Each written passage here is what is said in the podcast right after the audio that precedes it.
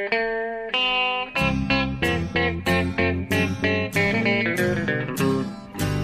out there, we're on the air. It's hockey night tonight. Tension grows, the whistle blows, and the puck goes down the ice. The goalie jumps and the players bump and the fans all go insane. Someone roars, Bobby scores at the good old hockey game. Oh, the good old hockey game is the best game you can name.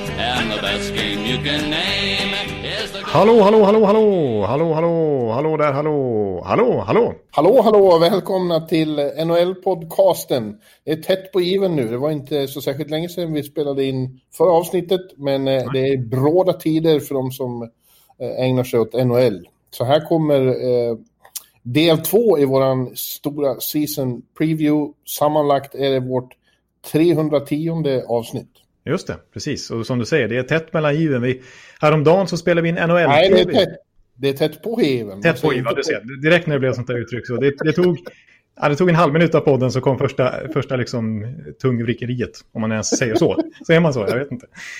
Uh, ja. Nej, men precis. Tungvrickeriet. Tungvrickeriet. Det var också ett nytt ord tror jag. Googla det och ni får noll resultat. Ja. Det här börjar bra, Jonas. Ja, ja, precis. Men vi får köra på nu. Det, det, man är lite ringrostig, men eh, man är samtidigt otroligt laddad. Alltså. Det, det är bara fantastiskt kul att hålla på så här med mycket med, med NHL. Eh, som jag skulle säga då, innan jag tungvrickade till det. Att eh, vi spelade in NHL-tv och gick igenom alla lag eh, också häromdagen. Så det finns att se på sportbladet.se. Och jag satt långt in på natten och korrläste NHL-bibeln härom, härom natten som är skickad till tryck också. Kommer ut 14 januari. Ja, mm. och själv har jag precis sammanställt eh, hela min season preview eh, till bloggen. Det är 67 000 tecken eh, om alla lag. 67 000 tecken, alltså folk som inte liksom är bekanta med tecken, vad det innebär. Det är typiskt journalistspråk att prata tecken, men det är ju jag höll på att säga att det är hela NHL-bibeln, det är det inte, men det är, det är en väldig massa A4-sidor eller ord eller hur man nu, vad man nu är, det, är, det är fruktansvärt mycket. Ja, men det är 31 lag och de måste ju skärskådas. Ja, du kan ju inte bara skriva någon kort kommentar, utan du har ju djupanalyserat klubb för klubb. Och, och det är väl lite så vi ska fortsätta i det här avslutande preview-avsnittet också. Yes, vi, vi, vi klippte ju de två första divisionerna i, i senaste avsnittet. North och Central tog vi då. Mm. Nu avslutar vi med East och West.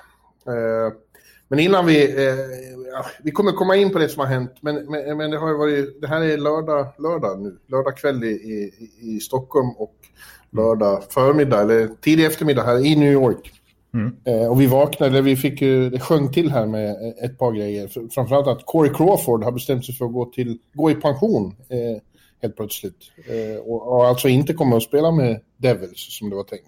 Nej, precis. Det hade man ju inte sett framför sig. Alltså, och jag måste bara säga det snabbt också. Tur att det hände precis innan podden. Det brukar alltid vara tvärtom. Att det sjunger till med stora nyheter precis när vi har tryckt på off-knappen. Ja. Eh, I recorden. Så att, eh, nej, vi får se vad som det händer. Kan ju, det kan ju hända idag också. Ja, precis. Det, det, det, nu blir det McDavid trade och sånt Nej, det tror jag inte. ja. Kane till Edmonton och McDavid till Chicago. Ja. ja. Nej, men eh, Crawford alltså, som du säger, skrev, precis skrivit på för, för Devils efter lite drama där i slutet på Chicago-tiden då får man säga. Eller det, det som han trodde skulle bli förlängning med Chicago, som inte blev det och som rörde upp starka känslor bland eh, de andra trotjänarna, Taves och Kane och så vidare. Där. Eh, men så blev det Devils ett flerårskontrakt, liksom om man tänkte att det här karriären skulle fortsätta. Men han har ju haft sina stora hjärnskakningsproblem och, och, och allt vad det innebär. Och eh, uppenbarligen så eh, tycker han inte att det är värt det helt enkelt nu när, när säsongen drar igång igen. Det, det, det går inte. Nej, eh, men det är ju samtidigt ett dråpslag för Devils som tre dagar innan, eller fyra dagar innan opening night eh, blir utan första målvakt. Eh, ja, de har ju Mackenzie Blackwood som jag ändå skulle säga är 1A, 1B där. Det, Liksom. Ja, det var en tävling inte... mellan de två, men, men visst. Nej, han är inte i närheten av Corey Crawford-klass. Ja, men jag tror inom Devils organisation så håller man Blackwood väldigt högt. Och jag skulle inte bli förvånad om han, även med en någorlunda hel Crawford eh, som konkurrent, hade tagit första spaden den här säsongen. Aldrig, inte en chans. Asså, det säger du? det här är första gången vi har varit så här oeniga om någonting. Ja, det är nästan Calgary Bill Peters-klass, vet du. ja, ja. Ja, nej, visst. Nej, det hade han inte. Corey Crawford är en helt annan dimension. Han är den första stjärnmålis de har haft sen Brodeur la av. Och nu blir det inget med det. För det tycker jag ändå att eh, jag ska stryka under och hålla med dig om att eh, Corey Crawford är en riktig stjärnmålvakt. Kanske inte riktigt samma klass nu efter alla skadeproblem då, men, men eh, det är ju en fantastisk karriär han har bakom sig, två Stanley Cups. Och det pratas så mycket i Chicago att han kanske är den mest underskattade hjälten i den här dynastiperioden. Ja, det skulle jag hålla med om, absolut. Och därför trodde jag, jag trodde att det var en jättebra deal för Devils, men nu nu som sagt, eh, eh Mackenzie Blackwood och så, vad heter han, Scott... Eh, eh gamle, Wedgwood. Wedgwood, ja. Mm. ja eh, det var ju inte vad de hade räknat med. Nej, nej precis, det, det får man säga. Men jag tror, alltså en anledning Men vi, kan, vi, vi, vi kommer som sagt att komma in på Devils. Vi kan väl diskutera vidare när vi har nått dit. Ja, det kan vi göra. Men jag vill säga en sak till om, om själva Crawfords karriär. Som jag ändå tycker vi kan, när vi ändå mm. liksom pratar om honom. Att jag tror kanske att anledningen till att han underskattades lite grann var för att den första kuppen vann ju Antiniemi. Och ja. då blev det någon slags paroll om att det här Chicago-laget är så bra så de kan vinna trots en dålig målvakt. Ja. Eh, men ja. Corey Crawford var ju en stor anledning till att de vann sen två kupper till. Så att, ja. Eh, han, därför tror jag att han hamnar lite i skymundan. En annan, en annan orsak är ju att, ja, för övrigt var ju resten av laget så fruktansvärt bra då. Mm. Och att han inte var någon särskilt spektakulär målvakt, men all, han hade ju enormt fina stats när han var som bäst. Men han var ju inte liksom, han radade inte upp eh, tv-räddningar. Nej, precis. Han var ju otroligt jämn under karriären. Ja. Och som du säger, det här kanske lite tråkigt utanför isen också. En liten surpuppa. Ja, precis. Inte bjöd på sig själv i media direkt, utan han var ju en... Ingen personlighet. Nej, nej, nej. Han, han ville inte flänga och, och hålla på massmedialt, utan han är en ganska privat person. Du, eh, en annan sak som har hänt nu då, eh, och det var väl en, en eh, ett litet välkommen till den här säsongen när vi fick beskedet att, att en massa positiva svar, provsvar har påträffats då i Dallas. Att de får skjuta upp sin säsongspremiär och kommer börja tidigast 19 januari. Mm välkommen som sagt till den här säsongen. Så kommer det nog att bli på sina håll. Mycket strul med, med uh, spelschemat och så. Men det, finns, det är ju inbakat i, den, i det upplägg de har gjort. De är medvetna att, de, att det förmodligen kommer att bli så. Vi kommer ha en väldigt haltande tabell och så när det blir sånt här. Exakt, det finns marginal för att skjuta fram slutspel lite grann och sådär. Absolut, det gör det. Ja. Men eh, visst, det var ett litet, alltså en liten kalldusch som kanske inte borde varit det, för man kanske skulle förvänta sig det här. Men efter att ha liksom upplevt succén som bubbeltillvaron i Edmonton-Toronto var, som var ett helt annat upplägg, liksom, så glömde man bort lite grann att det här naturligtvis kommer drabba NHL nu, i nu, nuvarande upplägg. Liksom. Precis som ja. det gjort i, i basebollen till exempel. Och ja. som det gjort här hemma i SHL då, inte minst. Så, ja. så blir det. Det, det kommer vara så. Mm. Ja, det är bara finna sig vi, vi kan lägga till att Pittsburgh har haft eh, fall nu också, eller de exposure, så de har ju, när vi spelar in det här så har de tagit break i sin eh, Eh, camp där och, och även eh, San Jose verkar det som att det dröjer innan de får flytta hem igen. De är, ja, de är ju på annan ort nu och tränar så att, och spelar matcher. Så att, mm. Columbus är det också rykten om att det är struligt i. Ja, så det här kommer ju bara, alla lag kanske kommer drabbas vid ett eller annat tillfälle. Struligt. Struligt, ja. Det är struligt som det är. Förbjudet. Ja, det, det, vad, vad är det min kompis Karl-Johan säger? Kuligt. Det är kuligt när det blir så här. Är det, är det kuligt? Ja, det, det, är lite otäckt då. Ja, okej. Okay. Ja. Jaha, är, är det kuligt? Det, dit ska man inte gå alltså. Det är lite kuligt. Där. Ja, ja. Det låter, som något, det låter nog helt annorlunda i mina öron. Det låter som jag skulle, jag skulle kunna säga för något som är kul. Liksom. Ja, ja, nej, men det, det är Dalmor när det är... Ja, det är lite, kul, det är lite kuligt. Jaha, oj. Jaha. Det är ju Oj då. Mm. Mm, ja. ja.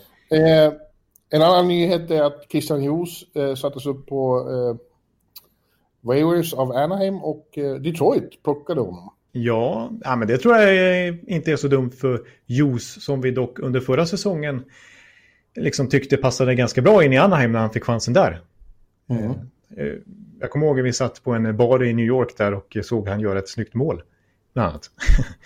Eh, men nej, nu, det, det har blivit en ganska skarp backkonkurrens i Anaheim som vi kommer komma in på.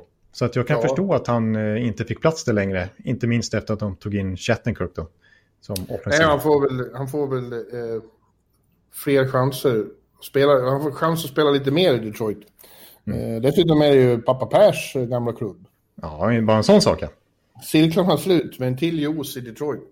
Ja, ja precis. Och som, som du säger, där, där är ju inte alls samma konkurrens. Så det här var perfekt för Jos karriärsläge som det är nu. Ja, ja, ja, ja, faktiskt. Även om eh, han kan inte räkna med att vinna någon ny Stanley Cup där.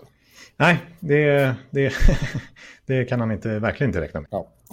ja, och slutligen innan vi ger oss in på vår, vår preview så uh, vart det, fast det här kommer vi att komma in på då. Det är ju uh, Matthew Barzal har skrivit på slutligen för, för Islanders då. Ja. Det var ju väldigt roligt. Det var någon som skrev väldigt roligt om det här. Den hårda Lamoriellos uh, förhandlingsstrategi. Ja. Det börjar med att Barzals läge så 11 miljoner. Lou säger 7. Och de säger okej, okay, 10,5 säger de. 7 säger Lou. Okej, okay, eh, 9,5. 7. Kom igen, kom igen 8,5. 6,5 säger Lou. Oh, Okej, okay, vi säger 7. Vi säger 7 då. Ja. Alltså det var ju så det gick till, förmodligen. Ja. ja. Han är otrolig. Och det har varit så otroligt lite rykten om vad som har hänt kring det här och varför han inte skrivit på en. Och det har inte kommit så mycket uppgifter om summor och sådär. Men så till slut så, så kommer de överens. Och det är så typiskt Lamoriello. Ingenting läcker ut, men det löser sig till slut. Ja, och han håller fast vid samma summa från början. Utom, ja, han får ju sin vilja igenom. Utom till slut när han tappar lite tålamod och går ner 500 000. Då...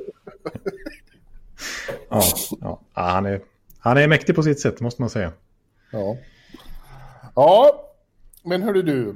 Mm. Då eh, tar vi och tittar på de lag vi har kvar och vi börjar med East och vi går som vanligt i bokstavsordning. Mm. Eh, och hamnar då inledningsvis i Boston, Massachusetts, där vi har ett lag som heter Bruins. Ja, precis. Eh, jajamän. Mm. Och eh, det har ju varit en supermakt i NHL de senaste, ja, senaste decenniet i princip. De har haft några skakiga säsonger när de har gått oväntat dåligt, men de senaste åren har de ju varit en kraft. Mm. Men nu ska jag vilja påstå att de är lite försvagade. Boston. Ja, men det, det köper jag. Och det är framförallt på backsidan som, som de har drabbats av hårda avbräck. Dels då mm. kapten Chara borta efter otaliga säsonger där. Ja. Och, eh, och så dels måste man också nämna inte minst eh, PP-specialisten Tory Krug som har dragit till St. Louis.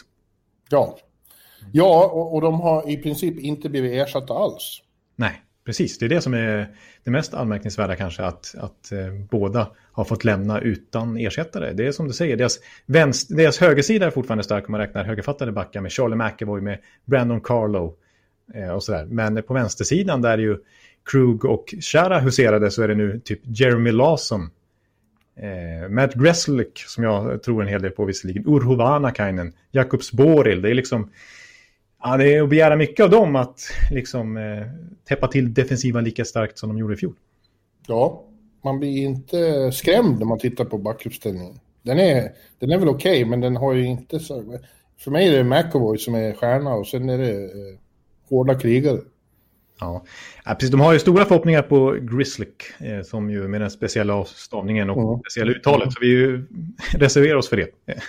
Men eh, han förlängde de ju med i sin tur på ett lite mastigare kontrakt än man kanske hade förväntat sig. Och eh, han får ju chansen i, i PP. Han är ju liksom en ny uh, Tory Crew kan man säga. Samma kroppsbyggnad, små, småväxt, liten, ettrig. Ja, fast inte riktigt lika dynamisk skulle jag vara. Nej, det har vi inte sett prov på i alla fall. Eh, så, så det, är en, det är en chansning där. Men det, ja, det blir i alla fall lite spännande att se Charlie McAvoy som given första back där. Alltså det är ju en back med en enorm potential och som har pratats om en kommande Norris Trophy-vinnare. Liksom nästan i Miro Heiskanen-termer potentialmässigt. Mm. Så nu är det ju verkligen han som är härföraren där bak och nu, nu sätts ju han på prov på ett helt annat sätt än tidigare. Ja, ja eh, framåt så ser det ju desto bättre ut. Och enda problemet är att vi inte riktigt vet hur när första kedjan kommer att vara fullbordad. De har ju, eh, som alla vet, en kedja som betyder oerhört mycket då med, med, med Marchand, Bergeron och Pasternak. Eh, inledningsvis så var det väl så att eh, vare sig Marchand eller Pasternak skulle kunna spela från start. Nu låter det väl som att Marchand åtminstone kan komma in rätt fort. Ja, det låter som att han ska vara med i premiären. I vilket skick återstår väl att se, men att han ska spela från start. Däremot som du säger, Palsternackan, han eh, lär de inte få tillbaka förrän februari-mars. Nej, och eftersom det är så kort säsong så är ju det ett, eh, ett aber, verkligen. Ja. Och för deras otroligt fruktade PP, nu är det liksom, det är fortfarande starkt, men det är utan Pasternak, det är utan Krug. Mm. Ja. Ja, och eh, i övrigt så det är ju, de är inte dåliga bakom dem heller, men det, de är ju väldigt beroende av den där första kedjan, det får man ju lov att erkänna. Ja. Eh, och de har fått in, ja, de har fått in Craig Smith och eh, det är en liten favorit hos mig. Jag tycker han är bra. Ja, jag gillar också Craig Smith och jag gillar eh, Ondrej Kase, eller Kase som du säger. Eh, som kom in i slutet på förra säsongen. Blev väl ingen jättehit direkt, men hade lite skadeproblem och det var karantän, eh, kaos för han i somras och sådär. Men eh, högersidan där är ju, bland forwards, är ju betydligt starkare nu och, och gör ju att tappet av Pasternak som är ju gjuten i första kedjan där på högersidan kanske blir lite mildare än om de inte hade haft Kashe och Craig Smith som nyligen har kommit in då. Mm. Lite bredare än tidigare. Ja. Ja, men eh, ja, jag tror att Boston kommer att vara ett slutspelslag, men eh, de känns initialt inte lika eh, powerful som de gjorde till exempel i fjol. Nej, jag håller med dig. De alltså ledde grundserien med sju poäng när stoppet kom. De var ju ganska Ja. överlägsna i fjol. Eh, Så det, jag gillar också Bruce Cassidy som vi måste säga. Ja, jag skulle just säga det. En stor tillgång för dem är att de har en så väldigt bra coach som brukar kunna hantera sådana här problem. Ja, jag tycker, visst när man har ett bra lag så, så blir ju svackorna få. Men under Bruce Cassidy, sen han tog över efter Claude Julien för tre, fyra år sedan, så tycker jag att Bruins har haft väldigt få svackor. Visst, de kan ha åkt slutspel och sådär, men under grundserien så är det sällan man ser flera förluster i rad. Utan de tuffar på. Ja. Sen är det väl ett litet, eh, man vet inte hur, hur Tukarask har påverkats av det som hände i somras när han avbröt och åkte hem eh, från bubblan. Och vad det innebär och att han ska nu fortsätta spela inför tomma läktare så som han ju tyckte var helt värdelöst. Precis, och han är dessutom UFA efter den här säsongen. Ja, ja det är lite, det, man, kan, man kan möjligen Störa. någon fråga. Ja. Ja. Ja, Ja, men, jag- eh, ett litet eh, eh, decimerat Boston, men fortfarande bra. Ja, absolut. Det ska, det ska räcka till en topplacering, det tycker jag. Ja. ja, sen har vi Buffalo Sabres då. Ja. Eh, laget med längst eh, slutspelstorka i ligan just nu. Ja, precis. Men de har skaffat sig hyggliga förutsättningar för att kunna bryta den slutspelstorkan. Det enda problemet är att de är en sån stenhård eh, eh, division. Den här är ju i princip lika svår att tippa som, som North. Det känns otroligt eh, tjockt med, med bra lag här. Absolut. Dödens grupp. Jag, dödens grupp, det tycker jag man kan eh, kalla den. Och jag vill ju, liksom, jag vill ju smocka upp eh, Buffalo i tabellen. Jag vill ju tippa dem högre i år. Ja, det vill Eh, jag också, men det går inte riktigt. Det är svårt. Nej, men det är jättesvårt. Det, det, vilka lag ska de liksom ta sig förbi i så fall? Som förtjänar att, eh, att tippas lägre. Liksom. Det, det, det, det är jättesvårt. Men ja, för att komma in lite på Buffalo då, och vad som gör att man tror på dem i år. Det är ju, den stora anledningen är naturligtvis Taylor Hall som vi har pratat så mycket om. Ja, det var en, eh, en stor skräll när nya general manager Kevin Adams, som eh, ju har gjort ett strålande jobb efter att aldrig ha varit i närheten av den här rollen tidigare. Nej, precis. Han, han lyckas norpa den största free agent-fisken på marknaden. Ja, Det, och, och ja, det var det var på ett år då, men, men ändå att, att eh, Hall vill eh, göra det och kommer att och, och höjer kvaliteten på, på eh, offensiven direkt. Alltså han och, och Jack Eichel ihop med Golofsson. ja. ja, det är Det är en av världens bästa kedjor. Det låter ju så i alla fall. Ja, verkligen. Men han har ju också stärkt upp på centersidan bakom, bakom Eichel med, med eh, Eric Stahl och Eakin. Precis, det känns ganska bra där för en gångs skull efter fiaskot med Mittelstadt som de tradade bort Ryan O'Reilly för att ge honom verkligen chansen. eh, Casey Mittelstadt och han floppar ju totalt och är knappt ordinarie längre. Eh, nu, nu Stahl som du säger, eh, alltså den andra kedjan tycker jag är nämnvärd också. Då. Det, han återförenas Stahl med sin gamla Carolina-polare Jeff Skinner. Ja, Och så eh, Sam Reinhardt är ju en bra spelare som brukar ligga runt 50-60 poäng också. Så att deras topp 6 där tycker jag är på definitivt, alltså minst slutspelsnivå. Ja. Alltså om man tittar offensivt. Ja. Mm. Ja, så har vi en backsida med, med det, det stora förväntningar på att Rasmus Dahlin, eh, som har lagt på sig ordentligt med muskler under hösten här, mm. eh, att han eh, ja, kommer ur sin puppa och blir eh, en eh, bona fide-stjärna i Buffalo som man har förväntat sig ända sedan han, han eh, var draftetta, men nu kommer då och, ja, han har akklimatiserat sig och, och lärt sig det här efter en och en halv säsong. Precis, alltså jag i våran NHL-TV, i vårt program där så, eh, så sa jag, och det här kanske var för stora ord, men eh, jag står för det. Jag väljer att stå för det, att Norris Trophy-diskussionen kan inkludera Rasmus Dahlin den här säsongen. Ja, om han lever upp till sin fulla potential så är det ju ingen snack om det.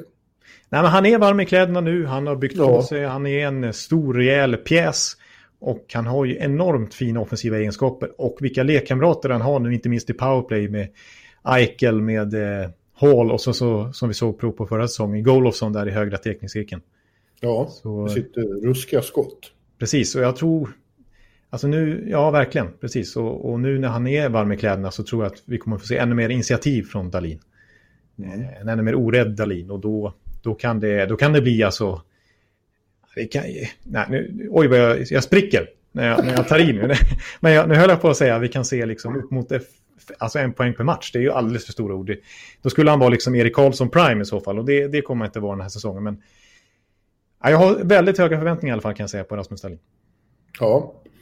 Eh, intressant är också att eh, Ralph Kruger för första gången får chansen att bygga vidare på något han har startat eh, i Edmonton. Blev det fick han ju gå efter en säsong. Mm. Eh, nu ska den renässansman som alla tycker så mycket om, att han är en livscoach lika mycket som en hockeycoach. Mm. Ska, så det blir intressant. Mm. Sen är ju den stora frågan på målvaktssidan. Det, det, det, det är hård press på Linus Ullmark och Carter Hutton om att de måste ta sig upp på en helt annan nivå än senast. Precis, för att eh, där är, ser det väl inte jättestarkt ut och, och försvarssidan utöver Dalin är väl inte skräckenjagande heller. Vi ska komma ihåg att Buffalo sjönk igenom totalt förra säsongen ju. Eh, ja, igen. Det är bara, andra halvan av säsongen har varit en jävla besvikelse länge nu. Ja, precis. Alltså efter Stockholmsmatcherna där i början av november som de torskade båda två mot Tampa, måste jag ju poängtera. Då, så var de ligans näst sämsta lag. Det var bara Detroit som tog färre poäng från 7-8 november och fram till stoppet i mars. Så att, ja. Eh, det har de ju i sig lite grann, Buffalo. Den, den här, de har ju missat slutspel nio år i rad. De, är, de har ju en förlorarmentalitet fast etsade. Så att det är det de verkligen måste tvätta bort här nu med Hall och, och, och Kruger och, och liksom de här unga spelarna ändå. Eh, Golosson och Dalin och så här som måste liksom skaka av sig det. Ja. Så att, ja, det, det gör väl att man har lite dubier trots allt kring Buffalo. Men mycket är väldigt spännande. Apropå unga spelare så slänger jag in en liten joker till i leken här. Och det är ju JVM-skyttekungen Dylan Cousins. Som eh, väntas få chansen här från start också. Som ju var mm. fantastiskt bra i JVM för Kanada. Eh, som de tog som sjua var det väl, sexa, sjua i draften 2019. Kuriosa där, född i Yukon. Känner ja. ens till Yukon? Alaska va? Ja, precis. Det är ju typ, det är den närmaste kanadensiska delstaten till, till Alaska. Eh, så det är extremt högt upp i norr. Det är bara ah, två... Det är Kanada fortfarande. Ja, det är Kanada, precis. Så det är, inte, det är Kanada fast gränsar till Alaska. Och Riktigt det är bara... ute i vildmarken. Alltså. Extremt ute i vildmarken, va? White Horse heter lilla orten han, han kommer ifrån. Och det är bara två NHL-spelare från Yukon genom tiderna. Och de har sammanlagt åtta matcher och är båda födda på 50-talet. Så det var ett tag sedan. Eh, så att det är extremt ovanligt med Yukon-spelare i NHL. Men Dylan Cousins kanske inte bara blir en NHL-spelare. Han kanske blir en klassspelare i NHL om några år. Och kanske gör avtryck redan nu. Ja, ja spännande. Mm. Du, nu hoppar vi rakt från B-lagen till N-lagen. Just det, de gamla N-lagen. Ja, eh, och, där, eh, och där har vi några stycken och vi börjar med New Jersey Devils då, som vi redan har varit inne lite på eh, deras det här dråpslaget de åkte på med att, eh, att Crawford, som de hade skrivit två år med och var väldigt entusiastiska inför, han lägger av så det blir helt enkelt eh, Mackenzie Blackwood och Scott Wedgwood i kassen. Och jag tycker, du tycker inte det är så stor försvagning, jag tycker det. Och jag tycker överhuvudtaget att om det är något lag man måste... Den här tabellen som sagt är svår att, att, att sia om. Men eh, om det är något lag man känner spontant att de kommer ändå sist så är det New Jersey. Ja, jag måste ändå erkänna det i ett större sammanhang. Alltså jag håller ju Blackwood ganska högt, men som du säger, en sån här komprimerad säsong när det blir mycket matcher och back-to-back och man behöver två keeprar, då är det klart att eh, New Jerseys fördel den här säsongen var ju att de hade två bra keeprar. Alltså Crawford behövdes verkligen. Och eh, nu är det Wedgwood istället och det, det, det räcker ju inte. Så att eh, nej, eh, i det här getingboet så känns New Jersey klart svagast och inte minst efter dagens besked. Ja. Ett roligare besked häromdagen var ju att, då att Sami Vatanen äh, återvänder. Just det. Han är Devil igen. Så de har åtminstone ett, ett, ett, ett okej okay första par där med, med Subban och honom. Om Subban kommer tillbaka till den han ska vara. Ja, det blir man ju mer och mer tveksam till, ska jag vara ja. säga. Ja, man blir det. Och i övrigt så är backsidan en av ligans klart, klart svagaste. Ja, det är ju de här gamla klassiska Severson. Det är okej okay liksom. Och, och, Will Butcher och så har, har de ju trädat till sig Ryan Murray. Alltså om man, eh, apropå nyförvärv då, så tycker jag att eh, de har som vanligt gjort det lite smart här och utnyttjat att de har mycket löneutrymme och snott spelare, höll jag på att säga, gratis nästan från eh, klubbar med dåligt med löneutrymme som måste dumpa iväg kontrakt. Som de gjorde med Subban till exempel häromåret. Och som de gör med Ryan Murray från Columbus nu och allra främst Andreas Jonsson från Toronto. Ja, jo, det, jo absolut. Och, och eh, det, finns ju något, det finns ju hoppfullhet i att de har eh, vad som känns som, som dold kapacitet som kan, som kan eh, eh blomma ut i år. Eh, de har ju två två draftettor. Jack Hughes hade svårt att klimatisera sig i fjol. Han var lite väl ung. Men han kan mycket väl få ett genombrott och, och samma med Hischier. Mm. Ja, precis. Och, och en väldig massa unga spelare därutöver i Jesper Bokvist och i Jesper Bratt är fortfarande ung. Han är faktiskt född 98. Han debuterar ju så sensationellt tidigt. Direkt ja. från Hockeyallsvenskan där. Men eh, ja, och så några till. Det kommer över en ryss. Eller han var faktiskt i, i AHL-laget här. Och, senast också, men Jegor Cherra, vad heter han nu? Cherra? Ja, det är uttal, jag, jag skiter i det. Men eh, ryske Jegor som gjort 17 mål i KL den här säsongen som de hoppas mycket på. Ja, Gusev, apropå ryssar. Jag menar, där ja. finns det ju sparkapital också. Man kan akklimatisera sig bättre den här säsongen. Lite svajigt i fjol, sett till förväntningarna. Ja. Men jag är inte så spänd på, på coachen där, Lindy Ruff. Nej, det skulle vi komma in på också. Det var ju inte, kändes inte som något nytänkande att anställa Lindy Ruff som ny coach. Han är ju en old, old school-gubbe. Precis, och, och rattade Rangers försvar i fjol som ju var inte bra. Nej, bara det. Eh, men han har ju varit med sen sen andra världskriget nästan. Ja, det känns nästan så faktiskt. Men jag vill slå hål på en myt. Jag tror jag har gjort det i podden tidigare, men jag vill, jag vill upprepa det igen. Alltså, där man, man, för Lindroth, han är verkligen en old, old school-typ. Men old man tror lite grann att han är en sån här äh, försvarsgubbe och lite tråkig och sådär liksom i, i sättet han vill eh, se hockey på, på isen. Eh, han, är, han, är, han har en historia av att utveckla unga spelare och stå för en offensiv hockey. Alltså, vi såg ju när han kom till Dallas hur Tyler Seguin exploderade, hur John mm. Klingberg exploderade. När han var i, i Buffalo så, så fick han ju plötsligt tokfart på Vanek, på, eh, på Pomerville, på Briere, på Afinogenov och sådär. Alltså det är ju... Ja, jag, tror, jag tror inte det här är negativt för den offensiva utvecklingen på Hughes, på Hischier, på Bratt, på Bokvist, på det gänget. Han har redan uttalat sig väldigt positivt om Bokvist. Han har uttalat sig, uttalat sig med helt andra ordalag om Gusev än vad hans företrädare gjorde. Så offensivt tror jag att det kan bli spännande att följa Devils den här säsongen. Men försvarsspelet, ja, det kan vara minst lika kast som Rangers var. Ja, det borde vara sämre. Ännu sämre. Ja. Nej, eh, eh, vi får återigen en sån där dåliga lagen kommer att vara bättre än i fjol, men inte tillräckligt mycket bättre. får man en känsla av. Nej, jag, nej, jag, håller, jag, jag stryker under på det. Mm. Ja, sen har vi då eh, New York Islanders.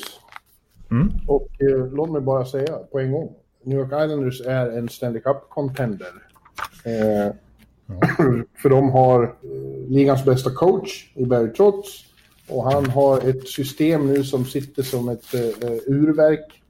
alla i det här laget kan och vet vad det går ut på. Och visserligen har de tappat ett par fina backar i Johnny Boychuk som la av och eh, Taves. Eh, mm. Devon Taves till Colorado. Men eh, det är ju så att eh, han är ju expert på det där att bara fasa in nya spelare i samma system. Och det kommer han att lyckas med nu också. Ja, för när han kom till eh, Islanders så var det alltså det lag som släppte in mest mål i hela NHL. Och då tyckte man den backuppsättningen var väldigt klen på pappret. Och när Trots fick chansen att styra över dem så, så släppte de ju plötsligt in minst antal mål. Så att eh, det känns som att de kan slänga upp vem som helst. Ja. Från AHL. Kanske Sebastian Aho, vem vet, den svenska varianten. Ja. Ja. Eller Noah Dobson som får chansen den här säsongen. Och, och de kommer ändå täppa till. Och så har de ju en ännu vassare konkurrens på målvaktssidan nu. När Varlamov inte utmanas av Grais längre, som visserligen varit väldigt stabil där i många år. Men Ilja Sorokin har ju potential att bli en revelation den här NHL-säsongen och kanske i bästa fall blanda sig i årets rookie-racet. Ja, och kan utmana Sjostorkin om, om titeln bästa ryske målvakt i New York. Ja, precis. Det är en, eh, det är en hård kamp. Eh, bästa ryske målvakt i NHL, det är ju jättesvårt. Ja. Det, där, där finns ju en Vasilevski till exempel och det finns en eh, Samsonov och Sjudobin och ja. Ja. Bobrovski. Och, och framåt är det ju så då att eh, om inte förr så under slutspelet i, i, i somras, senhösten, så, så, så krossades väl ändå myten om att Islanders bara är, är en defensiv maskin. Eh, de här kedjorna, det var ju flera kedjor som visade prov på fantastisk kreativitet, explosivitet och målfarlighet. Ja, precis. Så fram till semifinalerna så var ju Islanders det lag som gjorde flest mål i hela slutspelet. Ja. Eh, och det är ju, de har ju verkligen liksom vuxit in i, i, i sina roller här också, allihop. Det är Anders Lee och Barzal nu då som har skrivit Ebele, Bovillier, Brock Nelson, Josh Bailey, eh, Jean-Gabriel Pajot. Eh, ja. de, de, de, de, är ju vassa. De är vassa Islanders. De är vassa?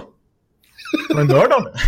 Nej, men jag tycker, jag tycker de... Nej, nu börjar det likna mobbing här. Fan, Nej, kul. Förlåt. Jag, måste bara... Jag måste bara. Ja. Kul att vara med på det här. Ja. Nej, men de... de som du säger där så tycker jag också alltså, att de har hittat sina roller och att de liksom verkligen kommit in i det. Så tycker jag att de verkar vara väldigt kul som grupp också. De verkar vara väldigt sammansvetsat på ja. Island. Trots att de studsar runt mellan olika arenor och sådär. Ja, de, men de har ju den här förmågan och, och, och, de har byggt lite vi mot världen eftersom de är lite på avsides. De har ju alltid fått uh, kunna använda den attityden mot Manhattan och Rangers som får all uppmärksamhet och så. Ja. Uh, och nu kommer de ju att vara hemma då. På, det blir ju en säsong till. I, i hela säsongen kommer att vara ute i... I Nassau? Nassau. Visserligen utan dessa fanatiska fans på, på läktarna då. Det, det är väldigt smittspridning ute på Long Island. Det är ruskigt. Mm, mm. Eh, men ändå, och sen nästa säsong så flyttar de in i sin helt nya egen arena, äntligen. Ja, det är coolt. I Belmont Park, och den ser ut att bli något i hästväg, den arenan. ser riktigt cool ut. Och det som är coolt med den är ju att den är ju 100% byggd för hockey. Ja. Den, är ju, den är ju bara anpassad för just New York Islanders. Så att, att den ska, det, det kanske blir den liksom bästa hockeyarenan som finns. Alltså verkligen, det man får höra om den är ju liksom perfekt anpassat för just NHL-hockey. Så att det, det ser man fram emot att åka dit en gång i tiden. Ver, verkligen till skillnad från uh, i Brooklyn. Nej, precis. Där man inte ens kunde se planen från vissa platser. Barclays, nej precis. Ja, nej, det, blir, det blir kul. Men jag tror att de kommer definitivt att vara konkurrenskraftiga den här säsongen också. Det är riktigt, riktigt giftigt lag. Ja, och lite, kanske på något sätt lite underskattade fortfarande. Ja, fast jag tror att det är i, i så fall bara från oss på sidan om. Jag tror att konkurrenterna har blivit väldigt medvetna om hur bra Islanders är. Ja, nej, nej precis. Nej. Men det, så att det, det är ytterligare sånt där lag som inte Buffalo kan ta sig förbi. Nej, exakt. Frågan är om de kan ta sig förbi nästa lag.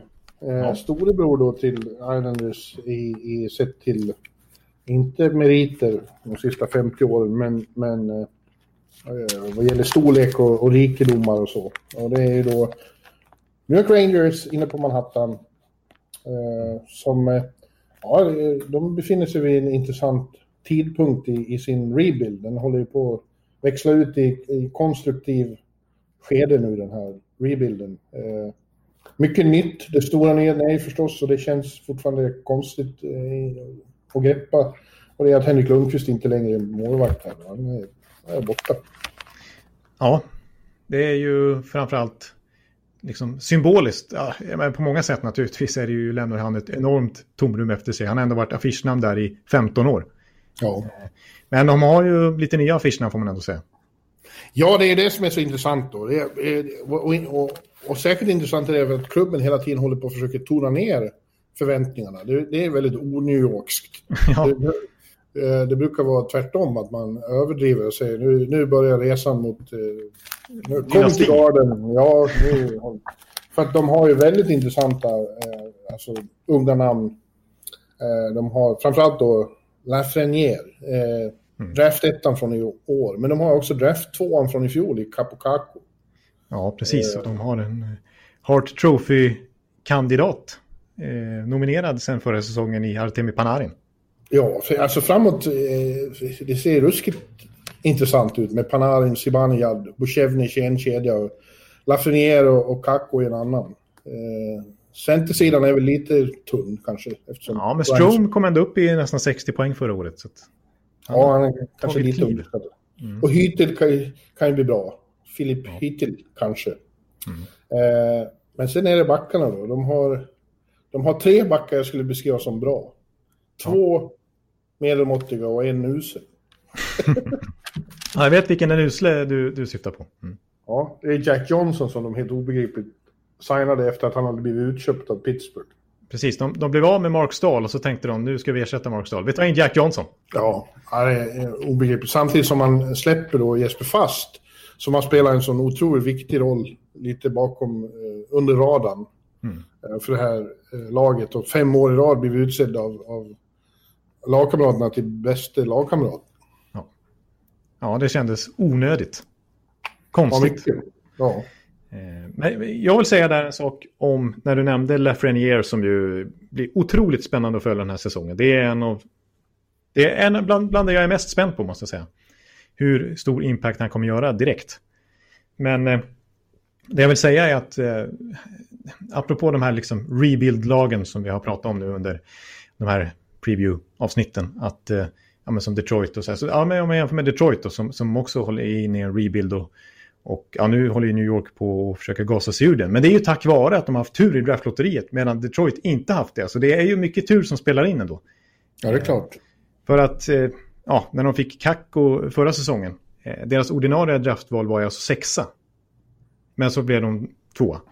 Eh, den här säsongen så gick de ju till play-in och de var nära slutspel när, när coronastoppet var och de fick spela play-in. Och så det, om man ser till tabellpositionen de hade där i mars, då hade de haft 14 valet i sommarens draft. Men de fick Lafreniere som är en av de mest spännande draftettorna. Sen Matthews, ja Dalina, det finns många bra. Men det är ju en otroligt spännande draftet i alla fall.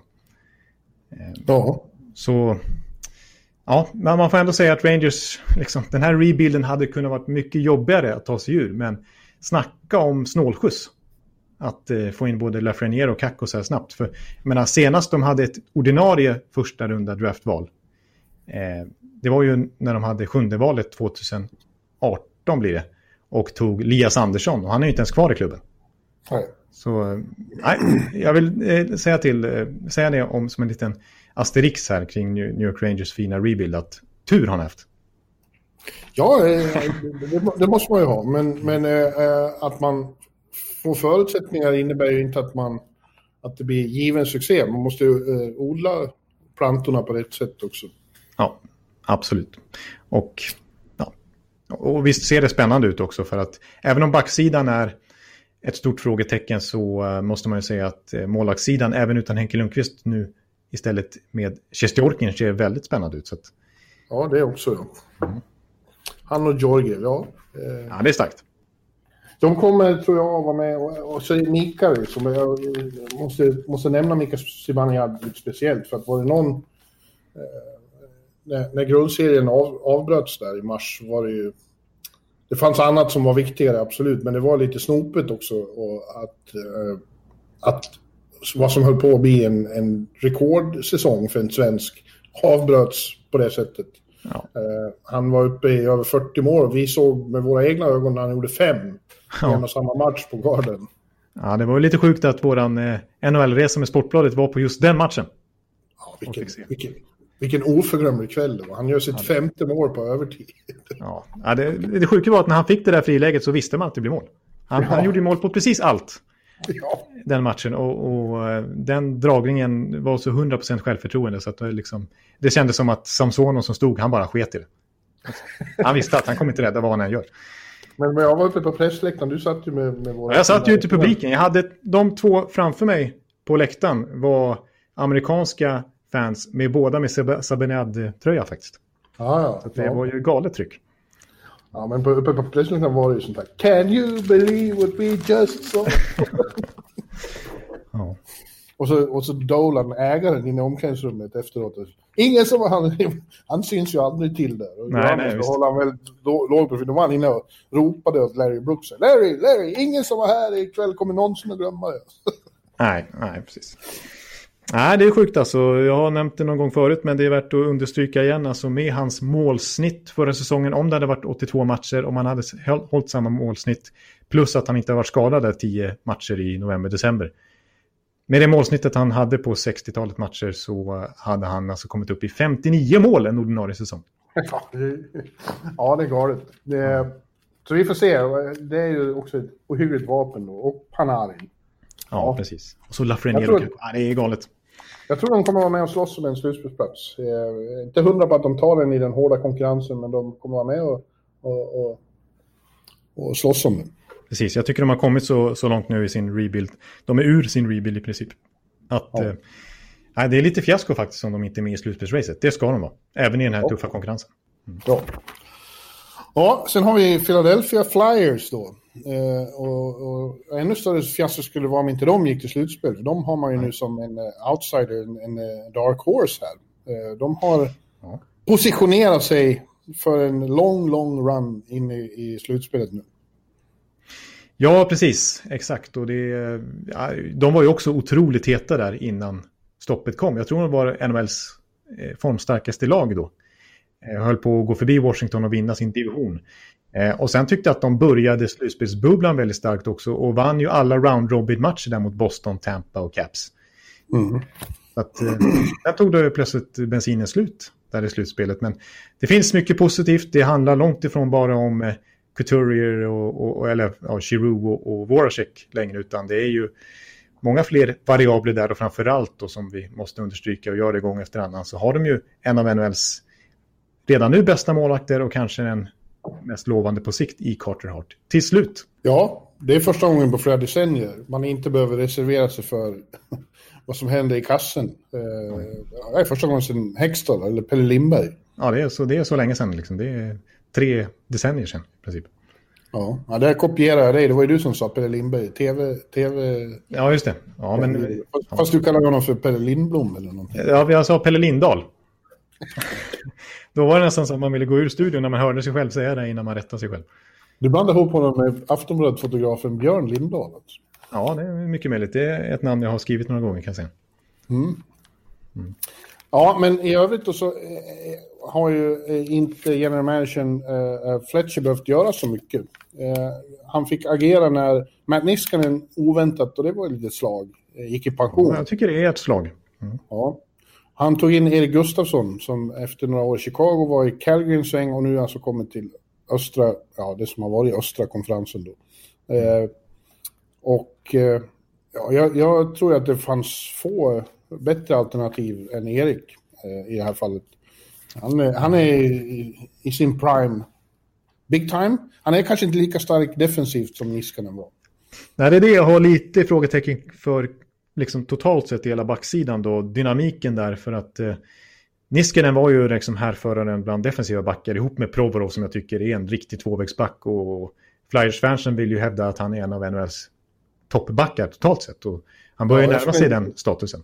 Ja, jag skulle inte protestera jättemycket mot den beskrivningen. Nej, precis. Men annars tycker jag att det, det är lite offensivt, för offensivt eh, framtungt med eh, Gustafsson som kommer in nu med Ghost Spear som ju är en renodlad offensivback med Philip Myers som också är väldigt offensiv med Travis Sanheim som jag skulle säga har sina styrkor offensivt också.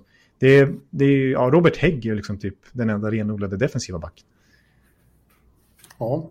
ja, fast jag tror att Erik kan vara bättre på den punkten än vad han har fått cred för. Eh, för att eh, Jeremy Colliton beskrev honom så. Eh, jag tror att han är underskattad. Ja, vi får se. Det är, det, är, det är ett väldigt mobilt försvar i alla fall. Alltså det är ju puckskickliga spelare överlag. Ja. och så en Carter Hart som stänger igen butiken också. Så det kanske inte är beroende av ett superramstarkt försvarsspel. Nej, och sen har de framåt är det i princip samma lag. Har, man kunde kanske tycka då, eh, det har jag skrivit här, jag sitter och tittar på mina små inlägg. Ja, visst, det, det ser ut som att du, och jag tycker det låter som att du bläddrar i papper ibland. Det känns ju väldigt ja. eh, genuint och lite analogt. Ja, jag har både min egen, min egen blogg, den är ju färdig nu, jag ska publiceras ja. söndag morgon. Eh, ja. Men jag sitter samtidigt med Hockey News eh, yearbook. Ja, just det. Mm. Jag är väldigt tummad nu kanske redan. ja, det är exklusivt. Det går inte att beställa den helt enkelt till Sverige. Jag har ingen sån. Ja, ja. Ännu bättre är att jag också har eh, Hockey News Pool Guide. The Ultimate Fantasy Pool Guide. Den får ni inte heller tag i. Och det är bra eftersom imorgon har, har vi ju våran draft. Ja, just det. Våran interna Aftonbladet-liga där som det är väldigt prestigefylld. Mm. Ja, ja. ja det är... Uh, mm.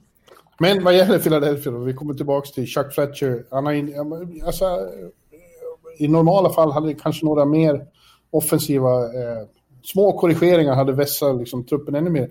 Men samtidigt är det så att han får tillbaka två som var borta väldigt mycket i fjol. Ja, Nolan Patrick var borta hela säsongen på grund av hjärnskakningsproblem. Och Oskar mm. Lindblom var ju sjuk. Och båda kommer tillbaka nu och blir ju förstärkningar. Ja, det är ju som två nyförvärv. Eh, för de kunde ju inte bidra förra året. Och, eh, jag, håller, jag håller helt med där. Det, det, det, det breddar till dem ytterligare. Och, ja. Spetsen finns där. Eh, alltså Connectny vann väl interna poängligan i grundserien i fjol. Så där har de liksom, ja, och så Joel Farabee som blir ett år äldre. Hayes tycker jag imponerade stort under sin ja. debutsäsong. Verkligen, inte minst i slutspelet. Nej, han var kanske deras bästa offensiva vapen då. Så eh, nej, Philadelphia är en contender. Absolut. Det har ju deras eh, rival i västra Pennsylvania varit i en lång, lång, lång följd av år också, alltså Pittsburgh Penguins. Men eh, jag tror inte att de är det längre. Nej, alltså är det något lag som Buffalo Rangers ska kunna knöla sig förbi? som känns ja. lite försvagat. Alltså, ja, Boston känns ju typ försvagade också, men inte tillräckligt. Medan Pittsburgh är eh, märkbart lite ålderstiget kanske. Nej, det är, alltså Malkin och Crosby är fortfarande riktigt bra och Malkin gjorde ju faktiskt sin poängbästa säsong sedan 2012 här eh, förra året. Men nej, nu har man tappat lite tron på Pittsburgh efter två otroligt svaga slutspelsframträdanden. Ja, verkligen. Eh, det är ju det som är problemet. Alltså ja, Crosby och Malkin är fortfarande oerhörda hockeyspelare. Chris Letang också som ju ingår i, i den där gamla kärnan. Mm. Men eh, de kan inte göra mirakel på egen hand om he hela tiden som de kanske kunde längre tillbaks. Eh, de har en oinspirerad omgivning, tycker jag det känns som. Eh, och eh, som du säger, de, 2019 eh, blev de svepta i fyra raka av Islanders första omgången. Och nu senast blir de ju, kommer de inte in i slutspelet, de åkte ut i, i play-in-rundan. Ja, mot ett bra Montreal, men det lägst rankade laget i hela Toronto-bubblan. Ja. Eh, inför. Så att, eh, det, det var en rejäl smäll och de imponerade inte alls då. Pittsburgh, jag tycker så här på pappret att utöver de tre toppnamnen som vi varit inne på att det är ganska bra supporting cast. De har ett fint andra backpar där med unga och pigga John Marino och Marcus Pettersson. Och eh, de tog in Jason Zucker i slutet på förra säsongen. Brian Rust öste in poäng då Jake Gensel är ju en riktigt bra radarpartner med Crosby i första kedjan där. De får in Kasperi Kapanen nu. Eh, Jared McCann är bra. Men eh, så, så, på pappret tycker jag fortfarande att jag är ganska imponerad av Pittsburgh. Men eh, nej, jag tror ändå inte på dem. Rutherford, eh, general mention, eh, efter... Eh, han försökte sig på någon slags förändring här då efter senaste gången. Men det blev mycket halvmesyr. Och, och konstiga saker. Det var ju bra att få in Kasperi Kapanen såklart. Eh, mm. Och det var bra att han köpte ut Jack Johnson. Men eh, i övrigt så var det en del underliga beslut. Framförallt då att, att skeppa Patrik Hörnqvist till Florida utbyte mot den högst mediokre Mike Matheson. Ja, precis. Och, och dels vad de bidrar med på isen men också som varit inne mycket på men som när vi pratade Florida vad, vad Hörnqvist kan bidra med i omklädningsrummet och på bänken och på båset som pådrivare liksom. Det tappar ju Pittsburgh nu. Ja, han har ju varit, han har ju varit eh, hjärtat och själen under den här andra storhetsepoken. Och man, två Stanley Cup, han, han, har ju liksom inte, han är inte rädd för att, att driva på Malkin och, och Bengan så de till slut skrattar åt honom. För att han ja. är så passionerad. Han är som ett kärnkraftverk. Och det kommer ju sakna. Han kommer lämna ett enormt tomrum efter. För kom ihåg, innan han kom dit så var det ju många år när de inte kunde ta sig samman liksom, och, och var stora besvikelser i slutspelet år efter år efter år. Mm. Jag kommer ihåg till exempel, det var väl slutspelet 2013 eller om det var 14, 13 tror jag det var när de åkte ut. Fyra raka matcher de... mot, mot Boston. Och, ja, och, de, och, då hade de tagit in eh, Jerome Gindla och, och, Douglas Murray. Ja, Brandon och Morrow. Ja, precis. De satsade stenhårt då och så vart det så. Ja, precis. Så. Nej, och sen kom eh, Bengan ett par år senare och då blev det två Stanley Cups direkt i princip. Ja. Nej, så att eh, visst. Och sen så ja, på målvaktssidan får vi nämna att Murray är borta då och att eh, Tristan, Jerry, Tristan Jerry imponerade betydligt mer förra säsongen. Så det var ju naturligt att man gjorde det valet när båda hade utgående kontrakt och man skeppade Murray. De var RFAs då, man skeppade Murray till Ottawa och skrev nytt med Jerry som vill spela All-Star-matchen faktiskt. Eh, förra säsongen. Eh, ja. Men, men eh, jag vill nämna då, då att efter All-Star-matchen, det blev ju bara någon månadsspel, den var ju i slutet av januari och sen så bröt säsongen i mars. Så var han under 90 procent. Så att Murray tog i princip över första spaden då. Och det var ju Murray som var första valet i slutspelsbubblan. Så Jerry tycker jag inte är ett säkert kort där. Utan det är risk för lite målvaktsproblematik i Pittsburgh. Ja. Ja, jag tror att det kan bli... De har ju längsta slutspelssviten going. Mm. Mm. Men den kan komma att klippas av nu. Precis, de har inte missat slutspel sedan Crosbys första rookie-säsong. Nej, just det. Man har bara en rookie-säsong. Ja, hans första rookie, hans tredje där rookie-säsong, då... ja. Ja, Hans rookie-säsong räcker det med att säga. Ja, det kan man, det kan man säga. Ja. ja. Eh, avslutningsvis i denna knallhårda East-division då, nykomponerade, så har vi Washington Capitals. Mm. Med, eh, som det skulle bli så fantastiskt spännande och kul och intressant att följa i år eftersom Henke Lundqvists eh, saga skulle fortsätta där, men tyvärr då. Han, han är, har ju varit tvungen att, hoppa av och har precis eh, blivit opererad och det har tydligen gått bra då på, på den fantastiska kliniken i Cleveland. Där han har mm. eh, nu gått några dagar och han hälsar på sociala medier att, eh, att det eh, har gått perfekt och att han är på väg tillbaka. Så det är underbara nyheter. Ja, det får vi onekligen uttrycka från NHL-poddens sida. Ja, men det är, det är och förblir eh, väldigt... Eh, ja, jag är lite knäckt över att det inte blev det här. Det var nog det jag såg fram emot allra, allra mest i år. Henke i caps. Men, eh, Henke i en annan kostym. Det, det... Ja, ja. ja. Mm. Men eh, nej, de, de får... Försöka trampa vidare ändå, Washington, och det har de gjort. De har fått in en annan legend, eh, eh levande legend i, i Steno Chara som kommer och eh, inte sänker medelåldern direkt. nej, nej, precis. Den var ju redan rätt hög får man säga och nu är väl typ äldst i NHL. Ja, jag tror att eh, Washington har eh, äldsta truppen, va? Jag tror faktiskt om att medelåldern ligger till och med över 30-strecket om jag inte är ute och snurrar. Ja. Mm. Och på, på sikt är ju det inte så uh, lovande. De har inte jättemycket uh, talang på väg upp. Nej, deras fönster är ju verkligen på väg att stängas, men det har inte stängt. Nej. Nej, för det är fortfarande så att de har fina spelare som är i, i ja, de är fortfarande i sin prime. Uh, och det har varit en lång prime för några av dem, som Ovechkin och, Beckis, uh, Oshie, uh, Kuznetsov, John Carlson. Mm. Ja, precis. Och så länge de där fortfarande är bra så har Washington alltid chansen. Ja, exakt. För det vill jag nämna när man pratar om ålderstigna caps. Att just då, som du säger, deras förlängda prime har liksom inte dött ut riktigt än. Och jag tror inte den hinner göra det i år heller, för ser man till vad de presterade i fjol så hade vi skytteliga-vinnaren Ovechkin. Menar, ja. Han hade kommit upp över 50 mål igen om säsongen fullföljts. Eh, John Carlson gjorde sin bästa säsong i karriären och vann backarnas poängliga. Eh, T.D. Oshie hade sitt näst bästa målsnitt i karriären. Vi prat, när vi pratar om Niklas Bäckström brukar vi alltid säga att han är typ en Joe Thornton-typ som inte lever på speed och explosivitet utan säkert kommer kunna ha en ganska lång karriär eh, på hög nivå. Ja. Eh, och Kuznetsov är ju faktiskt, han har varit med länge men han är bara 28. Jakub Brana är 24. Första, nya första kippen där, Samsonov är ju 23. Att, eh, ja, han är ju en intressant fråga eftersom eh, Henke skulle väl ha rollen som mentor åt honom i hög grad. Nu blir det istället Craig Anderson och han är inte riktigt samma slags klippa och hålla handen. Nej, inte på samma sätt i alla fall. Men, eh, ja, men jag, och, och, så ska vi komma in på vem som ska coacha. Ja, det är väl kanske det som är mest spännande. Den, den, den näst, eh, näst hetaste eh, nya chefen i Washington mm. efter Joe Biden. ja, just det. Mm. när han installeras så är det nästan lika stort som när Biden tar över 20 januari. Ja, Samma parader utanför Verizon. Vad heter det numera? Ja. Ja, bara, bara inte Verizon blir stormat av upprörda supportrar. Nej, det vill vi inte se. Nej, Nej precis.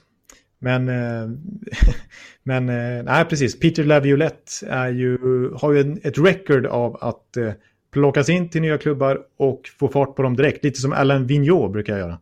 Ja. Som, som han gjorde med, med Philadelphia förra säsongen. Alltså när Laviolette, hans första säsong i Carolina, då blev det Stanley Cup-seger.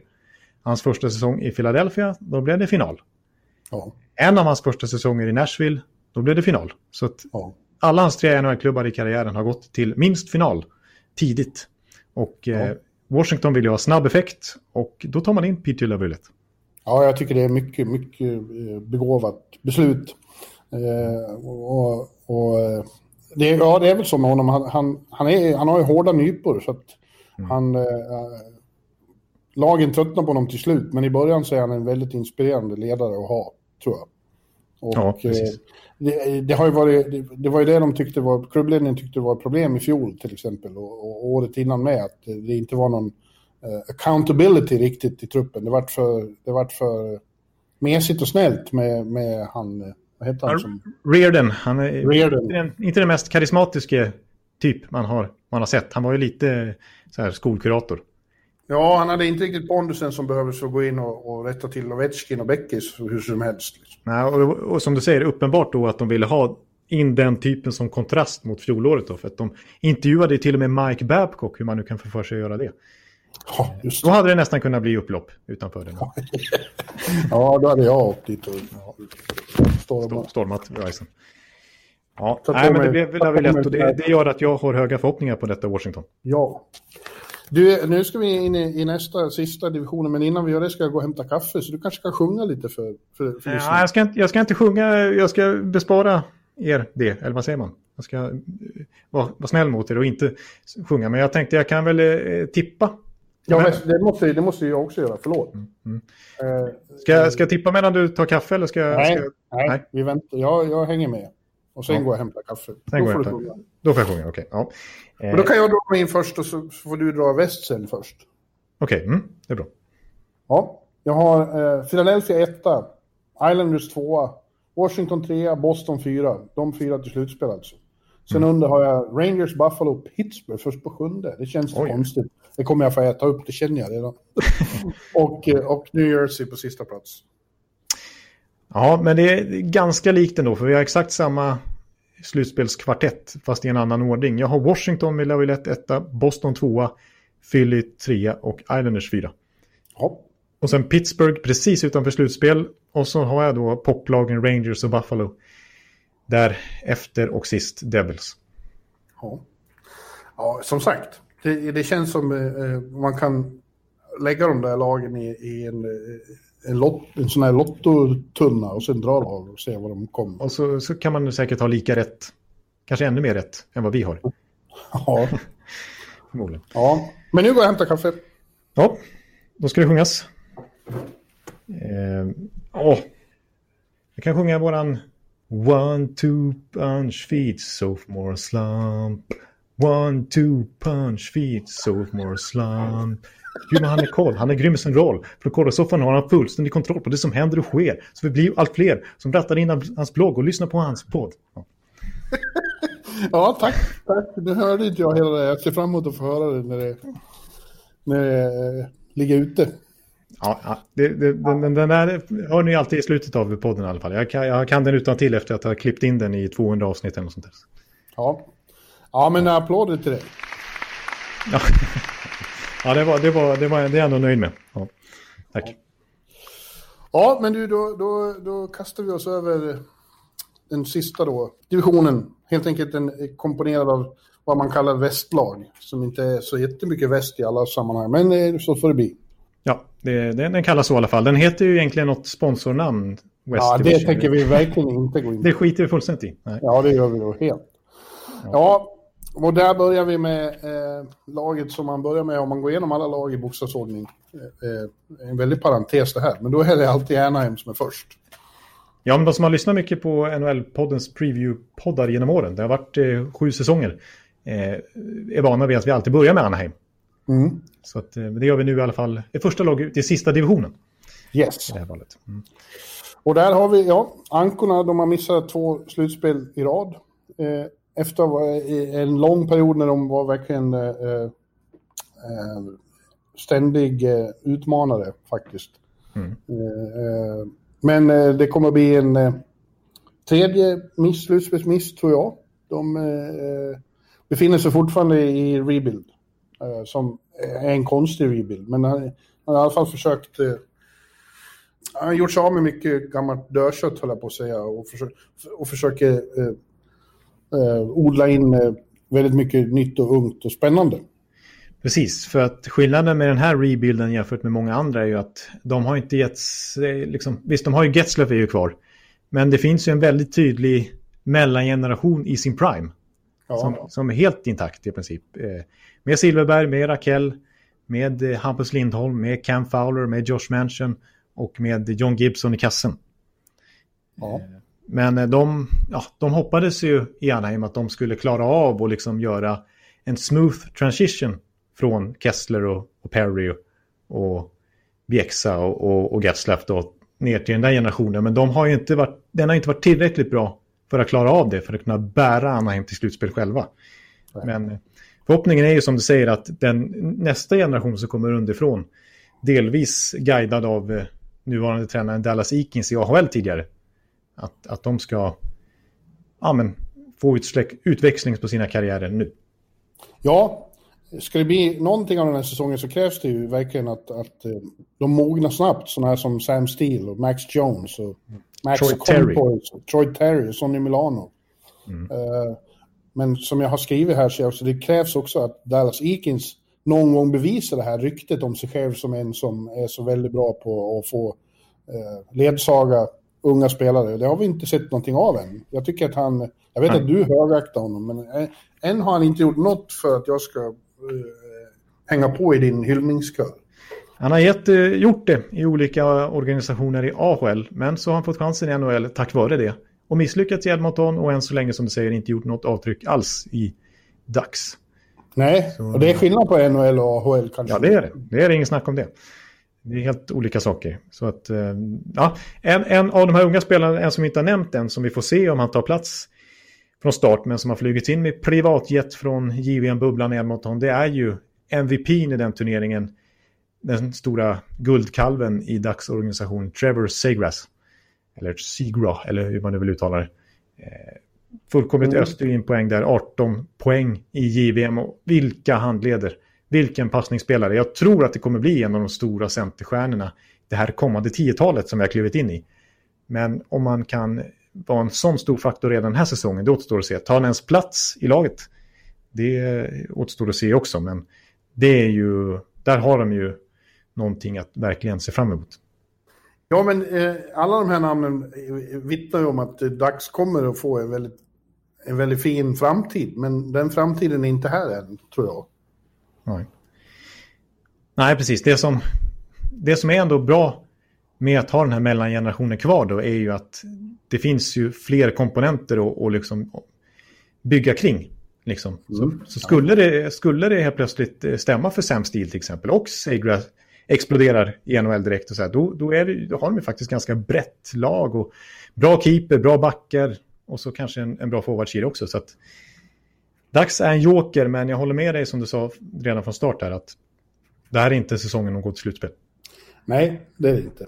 Det är, eh, backsidan som du nämnde förut när vi diskuterade Jos där, den, den är ju ändå okej okay, och när de har fått in Shattenkirk så, så den ser ju ut som eh, alltså hyggligt solid NHL-uppställning.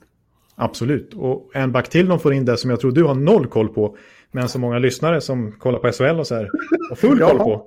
Det är ju SHLs MVP förra säsongen, Cody Curran, som hade flera NHL-anbud och valde Anaheim eftersom att han trodde han skulle ha bäst chans att slå sig, slå sig in i laget där. Han är ju super late bloomer, han är alltså över 30 år när han kom över till NHL.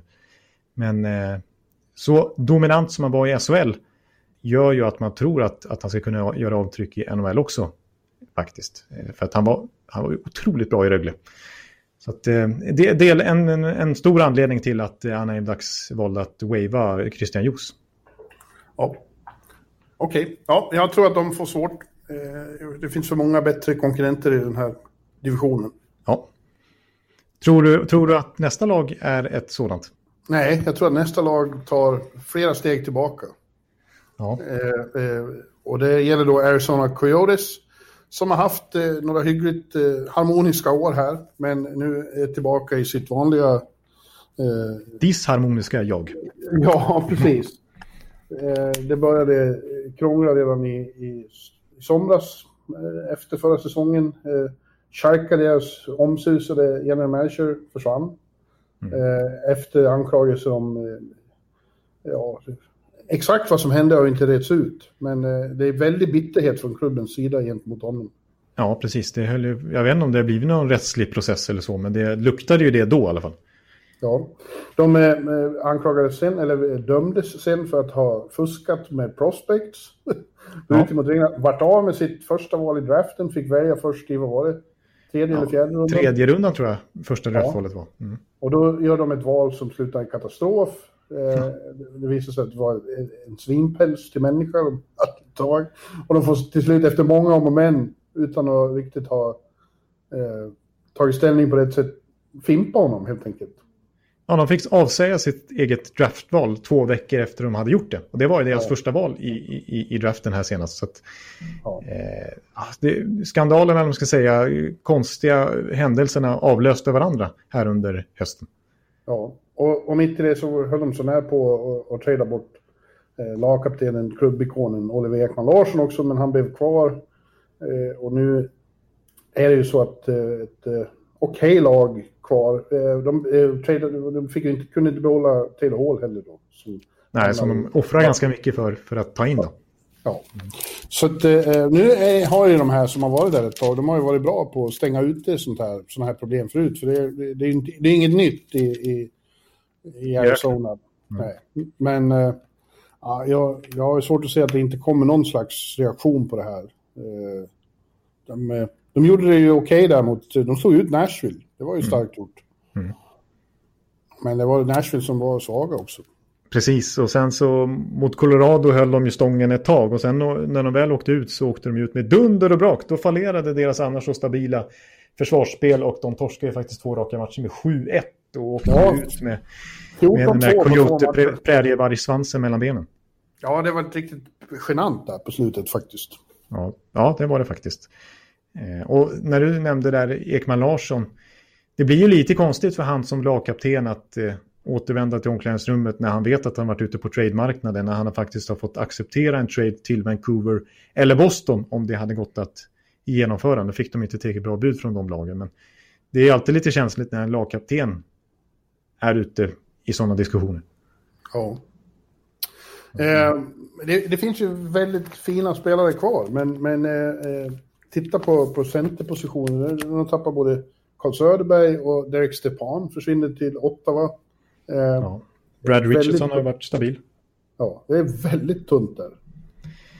Ja, Ja, det, det vill till nu att det lossnar för typ Christian Dvorak. Eh, Ja. De har fått in Brassard. Som, som jag dock tror ska spela vänsterforward. Det verkar bli... Ja, Schmaltz får ju spela center. Eh, Johan Larsson har ju kommit in. ja, Tar en centerplats också. honom kommer Rick Tocket att gilla. Han är, eh, Tocket är en stor tillgång för dem som coach. Och sen finns ju den här X-faktorn då med att de har två målvakter som kan spela helt gudomligt emellanåt. Darcy Camper och Antti Ranta. Exakt, de har ju varit fenomenala nu i ett par år. Eh, och det gör ju att jag tror att Arizona inte faller som ett korthus här nu efter alla skandaler. Utan de har en så pass stabil grund att stå på. Det är samma backuppsättning som i fjol, det är samma målvaktspar och det är samma skickligt, skickliga defensiva coach Rick Tocket som du nämnde. Så att eh, därför tror jag att Arizona ändå kommer vara lika tråkiga och lika jobbiga att möta i grundserien som i fjol. Och att de är med och slåss om en slutspelsplats ändå. Okej. Ja. Ja, ja, ja, kanske. Men jag, jag, jag tror inte riktigt det. Barrett Hayton glömde vi att nämna som center också. Var ju JV-kapten här om året. Det är ju deras största centertalang. Som får större förtroende i år. Eh, nästa lag däremot, de har man vissa förväntningar på. Oj, nu är det stora motsatser här. Nu, är det, nu går vi från eh, storm till eh, ja, lavin höll jag på att säga, men, men till eh, lugn och, och harmoni. Perfektion. Ja, perfektion. Ja. Colorado Avalanche. Eh, det var 20 år sedan de senast vann en Stanley Cup. Och nu tror jag att det kan vara dags igen. Jag eh, köper det påståendet rakt av. Eh, jag kan säga att i, trots att NHL-bibeln inte ens finns i tryck än så kan jag redan avslöja en sak där. Som jag inte tror att du har koll på heller. Men som vi upptäckte precis innan vi skulle trycka den. Att vi har ju ett tips där alla som har varit med och skrivit i bibeln har fått avge ett tips. Och samtliga, samtliga har svarat Colorado Avalanche. Ja. Det enda som talar emot dem då är ju att det nästan aldrig är sådana favoriter som vinner. Nej, det är ju sant. Ja. Men vi kan ju slå fast det finns inga som har bättre förutsättningar. Inget annat lag har samma förutsättningar som Colorado i år. Eh, De hade ju väldigt, väldigt stark uppställning redan i fjol och nu är den faktiskt ännu starkare. Backsidan är ingenting annat än ruskig. Ruskig! Ja, den är ruskig. Ruskig. Ja, mördande. Ja, den är faktiskt mördande. Ja, men det är... Ja, det är väl bara att läsa upp den. Det är väl eh, Devon Taves eh, verkar ju ta över efter Ryan Graves som annars var en succéback i fjol. Ihop med Cale McCarr i första backpar då. Taves Mm. och McCarr, årets rookie där. Och sen eh, är det ju Eric Johnson ihop med Samuel Girard. Och sen så har vi då Ryan Graves nere i tredje backpar med Ian Cole. Ja, Och då men vet man att en tycker sån som Bowen Byron står och knackar på dörren också. Ja, precis. Han är ju i, i, i princip lika spännande som McCarr och Girard. Ja, han är på den hypen i princip. Mm. Ja. Och sen har de eh, en av världens bästa första kedjor och därutöver tre utmärkta kedjor som kompletterar. Absolut. Och då, jag har ändå nämnt de två lagdelarna, så är väl det enda lilla svaghetstecknet då målvaktssidan. Ja, de har inga superstars på målvaktssidan. De har eh, Grubauer och Francouz, eller hur säger man? Jag tror det ska vara franchise. My name is uh, Pavel Francouz. Ja, de kallar honom Frankie. I laget kallar de honom Frankie, så vi säger Frankie. Säger Frankie. Mm. Eh, nej, det, det, det men det är ingen katastrof heller. Alltså, de är ju eh, middle of the mitt i klungan målvakter. Liksom. Ja, verkligen. Verkligen average. Liksom. Ja. League average. Ja. Och det kan ju räcka. Men eh, ska man eh, liksom hitta någon svaghet så är det ju just där. Och det syntes ju i slutspelet senast, men det var ju mest beroende på att båda blev skadade. Ja. Men, men ändå. Eh, så är det. Men eh, visst, du nämnde ligans kanske bästa första kedja och vad som är spännande på kampen här nu är att efter att de tog in Brandon Saad så, så verkar det som att eh, Jared Bednar vill köra Bednar vill köra en andra kedja med eh, Landeskog där faktiskt, ner från första kedjan eh, Kadri och Saad är en liksom riktig sån shutdown-kedja. Tre fysiska spelare, snabba, ettriga, jobbiga att möta. Och sen faktiskt befordra Burakovsky till första kedjan med McKinnon och Rantan. ja, det är inget dumt. Han, är ju, han har ju ett ruskigt skott och är väldigt mål, målfar. Målkänsla har han, Burra. Precis, kom ju upp i över 50 poäng förra säsongen trots förkortad säsong. Så att eh, det här är ju inte dåligt för hans eh, möjligheter att fortsätta producera på väldigt hög nivå. Så Burakovsky kan ju bli en riktig stjärna ja. i ligan med, den, med, med att spela plötsligt i den bästa kedjan i ligan. För vem som helst som är hockeyspelare, vilken dröm att spela med Nathan McKinnon. Ja. ja, det är precis. Jag tror, ja det vet jag att vi nämnde i våran NHL-tv. Vissa av er har säkert sett den. Eh, men ni som inte har gjort det och som inte ändå inte har hört det, det här som jag ska säga nu, är ju att eh, den yearbooken som du sitter där med, inte NHL-bibeln utan The Hockey News motsvarighet. Mm. Där rankar de ju 50 bästa spelarna i NHL just nu. Det har vi gjort i NHL-bibeln också. Kommer fram till olika ettor. Vi har kvar Conor McDavid och är väl ganska nöjda med det. Men The Hockey News har satt Nathan McKinnon som världens bästa hockeyspelare 2021. Ja, det har du tagit många gånger. Du tycker det är väldigt sensationellt. Ja, men jag tycker det är eh, anmärkningsvärt faktiskt. Ja. Eh, jag säger inte ja. att det är helt fel, men jag tycker ändå att det är... Eh, det säger väldigt mycket om, om eh, Nathan McKinnon, hans status. Ja. Han är, han är liksom... Han är och slåss där med McDavid. Ja, men, ja, men det är men det svårt. Det, det gör han ju. Ja. Mm. Ja, men ja. Vi, vi tror väldigt mycket på Colorado, det kan vi slå fast. Det, det är uppenbarligen som vi båda har dem som kuppfavorit. Yes. Ja, eh, sen har vi Los Angeles Kings. Eh, mm. Ytterligare ett eh, Southern California-lag som inte haft så kul på ett tag. Och eh, jag tror inte de kommer få så kul nu heller. De, är, de har också väldigt mycket fin, fin, fina plantor i rabatten som väntar på att blomma ut, men det är för tidigt än. Och huvudansvaret kommer läggas på samma gamla vanliga eh, trotjänare. Anse Kopitar, Dustin Brown, Jeff Carter, Drew Dowdy, Jonathan Quick. Och mm. de är väl inte slut än, men de är inte... Eh, ah, de, bär inga, de bär inte sina lag till, till Stanley Cup längre. Nej, det var ju... Det är sju år sedan snart. Mm. Faktiskt, som de vann senast. Eh, men eh, som du säger, det är mycket på gång i alla fall som ger LA-fansen lite framtidstro på ett, på ett annat sätt än, än de, de hade för två, tre, fyra år sedan. Eh, I samma privatjet som Trevor Segras åker med från JVM-bubblan i Edmonton kommer ju här nu. Det är nog kanske landar nu i det här laget. Eh, ja, Tobias Björnfot. Eh, mm. ja, draft 2 Quinton Byfield. Eh, draft 4 häromåret Alex Turcott. Och så Artur Kaliev, den otroligt spännande målskytten. Amerikan, det låter inte så på namnet, men eh, amerikanska skarpskytten. Så att, det finns mycket där och, och, redan på plats på campen så har de ju Lias Andersson som är fortfarande är ung och kanske ja. kan blomma ut i, med en andra chans. Och det är en Samuel Fagemo och det är, det är mycket svenskar. Eh, Adrian Kempe är fortfarande relativt ung och eh, Grundström och sådär. Så att... Ja, det finns eh, igen, det finns eh, eh, intressanta, en intressant framtid eh, väntar ju eh, i La La Land. Men det är för tidigt än. Det, det kommer att hänga på de där eh, gamla stjärnorna. Mm. Ja, nej men jag, jag, jag, jag köper det. Alltså det. Det går inte riktigt att argumentera för att King ska gå till slutspel nu. Nej. Nej det, det, det, gör det inte. Ytterligare ett namn jag vill nämna där som eh, man har glömt bort. Det är Gabe Villardi. Han gick tio i draften för tre, fyra år sedan. Han har haft enorma problem med, rygg, med ryggen tror jag det eh, jätteskadeproblem och missat minst en säsong. Kom tillbaks förra och spelade lite NHL-matcher innan coronautbrottet och gjorde han sju poäng på tio matcher. Såg väldigt bra ut. Så att där tror jag, eh, det är en spelare vi har glömt bort men som vi kommer få bekanta oss med den här säsongen, Gabe Villardi. Mm. Mm. Ja, men det blir många så det var, Lias ska ju bli jättekul att se om han kan eh, visa Rangers att de gjorde fel. Eh, det hoppas jag. Mm. Mm. Eh, ja, jag, jag, jag köper det. det är ju...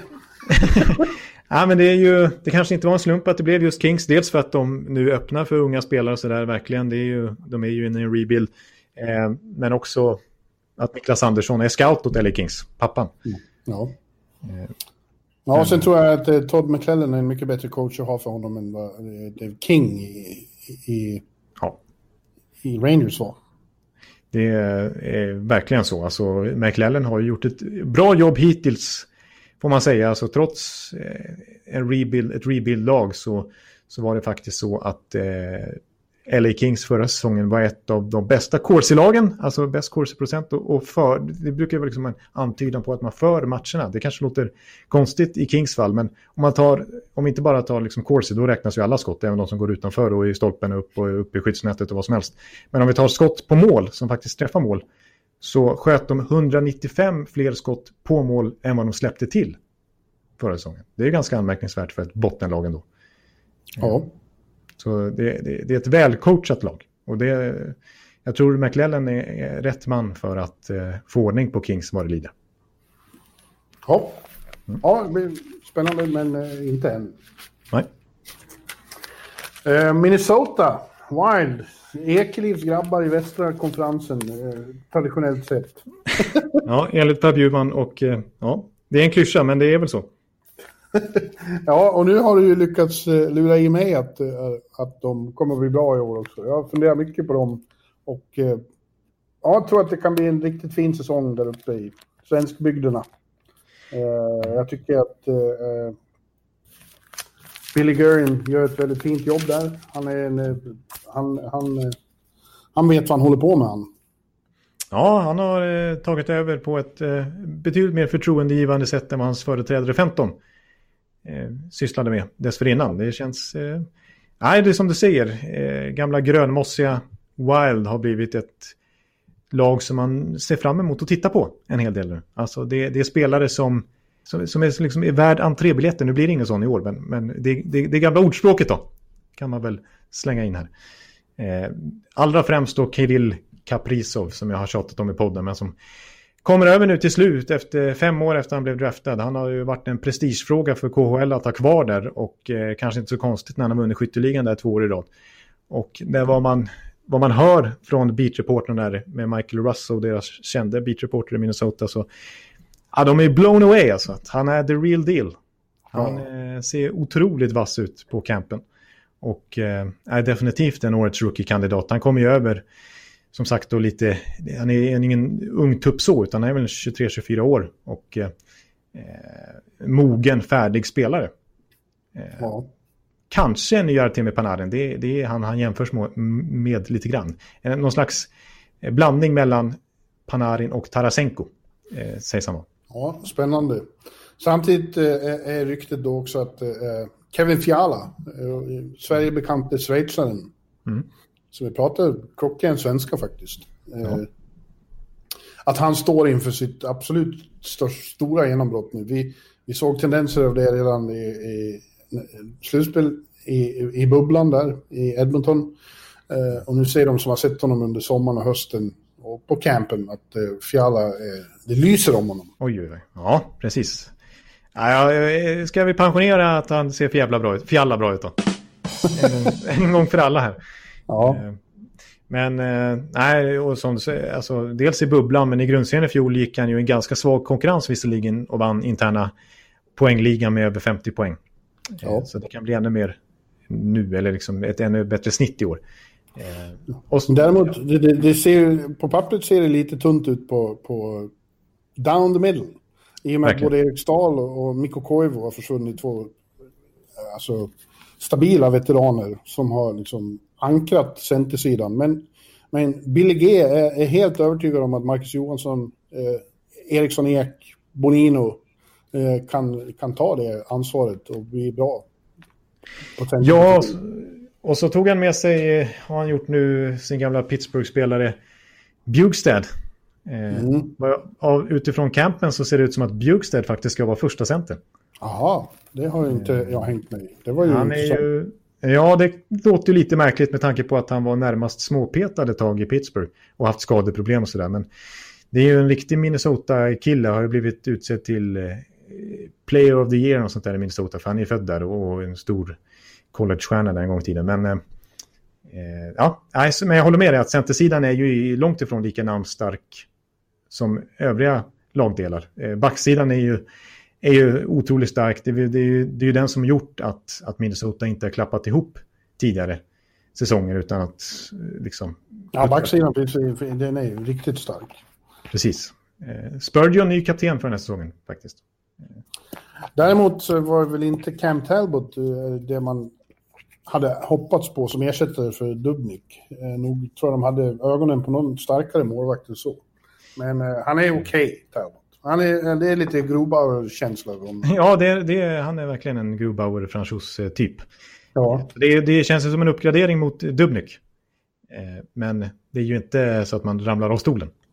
Nej. Så visst, det finns frågetecken för det här Minnesota. Jag håller verkligen med om att centersidan kan bli bra, men den ser ju svajig ut. Och Talbot, när dessutom Stalock har blivit skadad, så båda målvakterna från i fjol är borta. Eh, känns lite svajigt. Eh, ja, de, I Minnesota där kan vi, nu snöar vi in ganska mycket på dem, men, men eh, Capo Kekkonen, jag blandar alltid ihop honom med Capo Kakko, för det är nästan samma namn, men Capo Kekkonen. Eh, deras nya reserv då. Han blev utsedd till AHLs bästa målvakt i fjol och du vet att jag brukar överskatta AHL lite grann. Så jag, jag, tror att han kan vara någorlunda hyfsad som reserv där.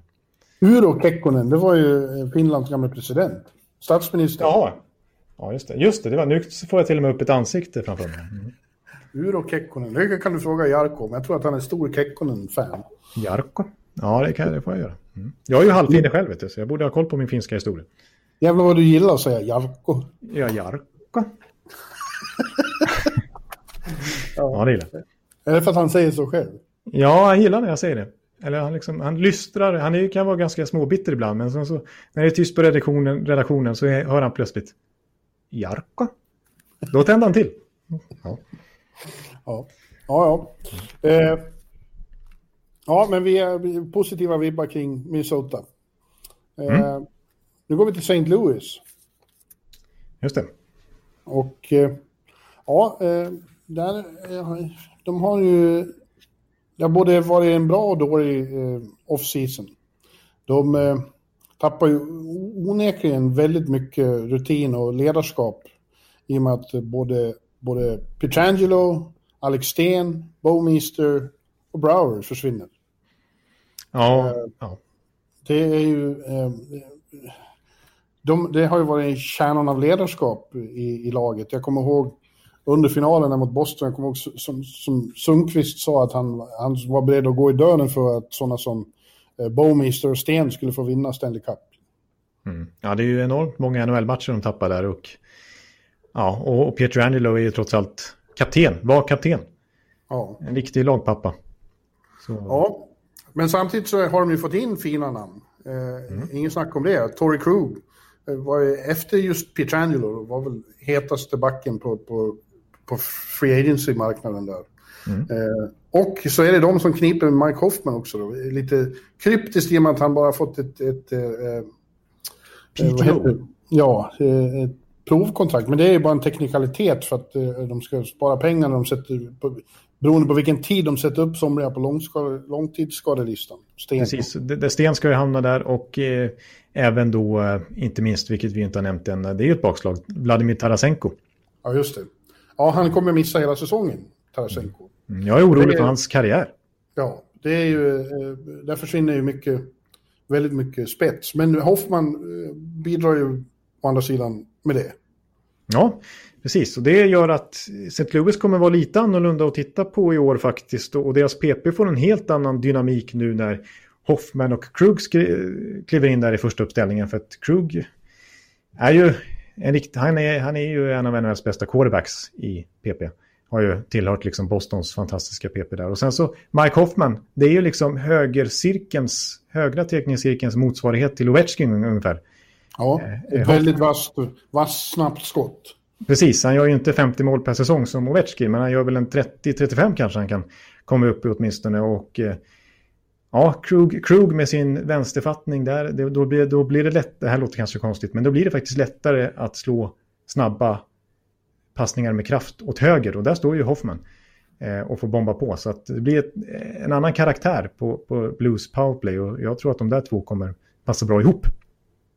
Ja, ja sen så finns ju sen tidigare Ryan O'Reilly, eh, västra konferensens eh, eh Patrice Bergeron. Precis som, precis som Bergeron vinner tekningen i PP. Han är, det är en av hans två bästa tekare i princip.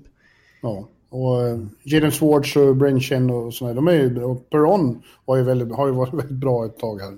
Ja, precis. Och sen så har de utvecklingspotential i en sån som Robert Thomas som eh, de hoppas ska kliva fram som andra center nu och, och flytta ut Brainer Chen på en vinge. Eh, till exempel. Så att det, det Ja, jag tycker St. Louis, de känns inte så hypade i år med tanke på sina tapp och att man eh, lyfter fram andra lag i den här divisionen, inte minst Colorado. Men eh, jag tror St. Louis kan gå lite under raden här och för mig är de en contender. Ja. Eh, fråga råder också kring eh, Jordan Binnington, om, om han är en ny Matt Murray eller inte. Han var ju bra under grundserien i fjol, men riktigt fiasko i slutspelet. Ja.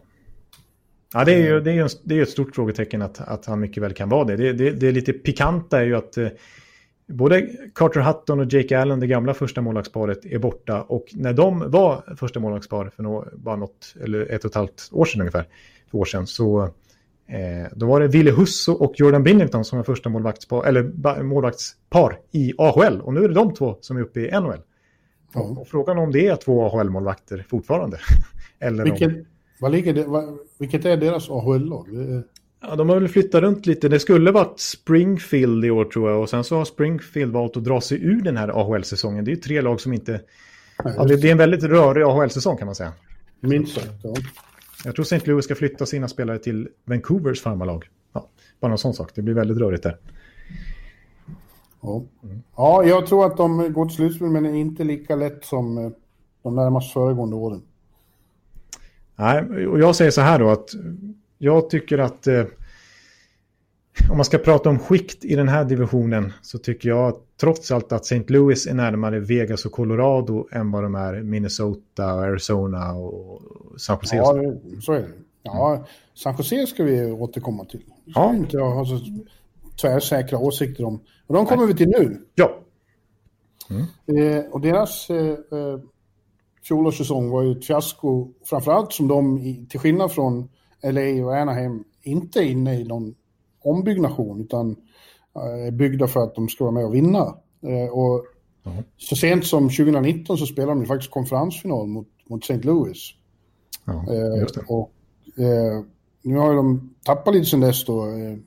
Pavelska försvunnit och nu försvinner ju storpappan, gammelhajen, själv. Ja. Joe Thornton får de klara sig utan första gången på 15 år.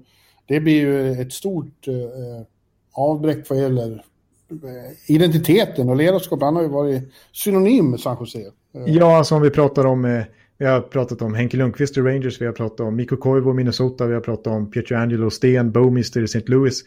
Med den, Chara i Boston. Chara i Boston. Alltså det är enorma klubbikoner, men Frågan är om någon av dem kan mäta sig med Joe Thornton i San Jose. Det är väl kanske Henke Rangers i så fall. Eller. Ja. ja. men jag tycker ändå, det här har vi ändå Big Papa. Ja, med sin personlighet så har han tagit större utrymme där än vad någon har någon annanstans. Ja. Så det blir konstigt, men samtidigt så är det så, resten av laget då borde vara bättre än vad de var i fjol. Hävdar jag. Ja, alltså jag tycker, vi har pratat mycket om det och vi kanske kommer in på det igen, vad en skadefri Erik Karlsson skulle kunna innebära för den här truppen. Ja. Men innan vi gör det så vill jag bara säga att det är lite underskattat och bortglömt. Eh, detalj från förra säsongen var att både Logan Couture och T Thomas Hertel, två första centrarna, var borta så mycket. Eh, ja. De var ju skad skadedrabbade överlag, men nu så kliver de in i den här kampen eh, utan skadeproblem. Ja, och Erik är ju väldigt, det är fascinerande att han, eh, han har verkligen fått vila upp sin kropp eh, och är återställd från alla skavanker nu. Mm. Eh, det... Höften, eller säga, ljumskarna är hela, eh, den brutna tummen är definitivt hel eh, och fötterna är okej. Okay. Ja. ja, och då... Och det, då, då, vet vi vad Erik eh, kan. Precis, alltså, och han är inte så, så gammal. Han är han är samma, född samma år som mig.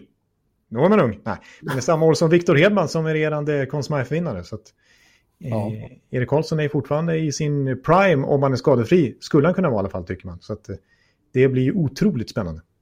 Ja. Nu är en, en skillnad mot när de gick till eh, konferensfinal då, att då var det Peter Bohr som var coach. Nu är det, vem är det Jonathan? Ja, vem, är ja. det? vem är det? ja. Eh, nu får vi nästan muta mig, men, men okej, okay, jag ska sätta hans uttal då.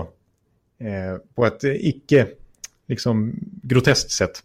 Eh, Bob Bogner. Ja. Mm. ja. Kan du försöka? Nej, jag tänker inte säga något. Nej. Eh, men jag tycker inte han är mycket till coach. Han har inte gjort något intryck alls eh, under sina... Han var i Florida förut och... Nej, eh, jag, tycker det är en nödlösning. Och sen är det ju ett väldigt anmärkningsvärt att de har haft problem med att Martin Jones har varit så ojämn och opolitlig i kassen. Mm. Då tar de in den enda i ligan som har varit, haft ett bra namn och varit ännu mer ojämn och opolitlig de sista åren i Devon Dubnik. Ja.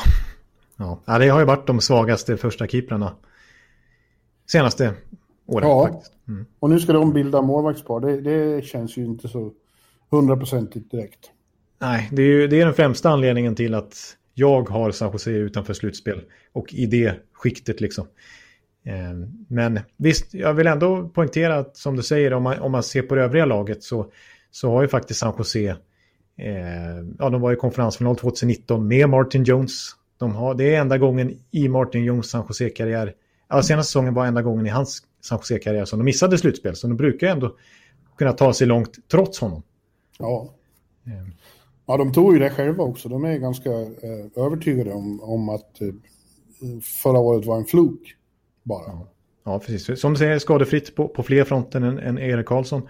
Och eh, några, liksom, man glömmer bort lite grann att Timo Meyer var en 60-poängsspelare här om året. Fortfarande ung och Ja. utvecklingsbar och skulle kunna explodera i år. Och, och vi har inte ens nämnt Evander Kane, Kevin LaBanc. Alltså, Vi har inte nämnt Brent Burns som fortfarande är nej. nej. en stjärnback. Ja, Den där 2019, 18-19 säsongen gjorde han alltså en, över en poäng på match. Jag tror han gjorde 83 poäng på 82 matcher. Ja, ja så, så det, eh, de är, kan vara en liten eh, slamkrypare, eh, San Jose. Ja, alltså, ja, precis. För visst, de kommer ha press på sig i år med, med, med truppen som den är så, så är självbilden att de ska ligga högt. Men efter fjolårets fiasko så är det många av oss utifrån i alla fall som har dem ganska långt ner i tabellen. Och det tror jag kan vara lite skönt mentalt för dem. Att de redan har det här fiaskot bakom sig. Det, det, det kan nästan bara gå uppåt nu. Ja, det eh, tror jag också. Det, det gör att, att jag tror att de faktiskt kan skrälla ganska ordentligt i år. Ja, Men, eh, det, är inte, det är inte omöjligt. Nej.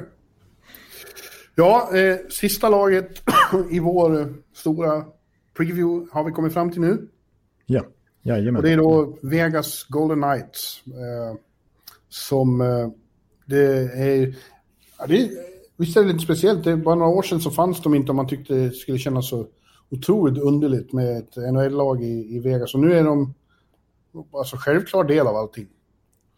Ja, precis. Exakt. Och, och det var så här, ja, eh, kommer liksom, hur ska det gå med spelarna? Ska de vilja, ska, ska, ska det gå att ha spelare i Vegas? Ska det gå att, eh, ens ett professionellt idrottslag där? Nu är det ju dels, man kan, man kan liksom gå in på många, dra i många trådar här, men bara en sån sak, om, sak att det känns som att det kanske är en, en av de mest populära destinationerna för free agents att välja. Alltså Pietrangelo väljer ju Vegas för att han Ja. vill dit. Alltså, de fick Stone att skriva på ett långtidskontrakt direkt innan han ens har spelat en match för dem. Eh, Pacioretty likaså skriver på för dem utan att ha spelat en match för dem. Eh, alla som var där bara en säsong, alltså Marchessault, Wild Bill och, och, och Lener skriver på långtidskontrakt snabbt. Alltså, det är ju en, en, en destination som spelarna älskar. Och, Ja, jag förstår dem. Jag förstår dem. du, du gör ju det också. Ja, verkligen. Och eh, det, är, eh, det är ju samtidigt så, eh, det är också anmärkningsvärt. Ett favoritord i den här podcasten. Ja. Att, eh, det är inte så jättemånga kvar från det där första Misfits-året när de, i, i, när de använde vi mot världen-attityden så otroligt mycket. Eh, Ja. Och det, det har varit en väldig omsättning ändå på spelare. Eh, och, och det skulle kunna vara ett problem, men de har ju ersatt det istället med väldigt mycket kvalitet och kunna göra det. Ja, precis. Det är ju en enorm metamorfos de har genomgått i liksom hur man, eh, perception, alltså sättet man, man, man ser på dem. För att det är som du säger, då var de ju ett lag som plockade in mycket framtid och så. De hade tre första runda val i, i sin första draft och sådär. Och, och man tänkte att de ska väl vara bra 2022. Mm. Alltså, om ett år här, nu. Eh, Men eh, gick du till final direkt och efter det så har de ju blivit ett lag som verkligen är i win now-mode med en ganska hög snittålder. Och väldigt mycket NHL-rutin. Ja. Så att de går ju för det. De är ju solklar contender den här säsongen och de eh, ser det nog som ett misslyckande om de, inte- om de inte vinner Stanley Cup. Tror jag.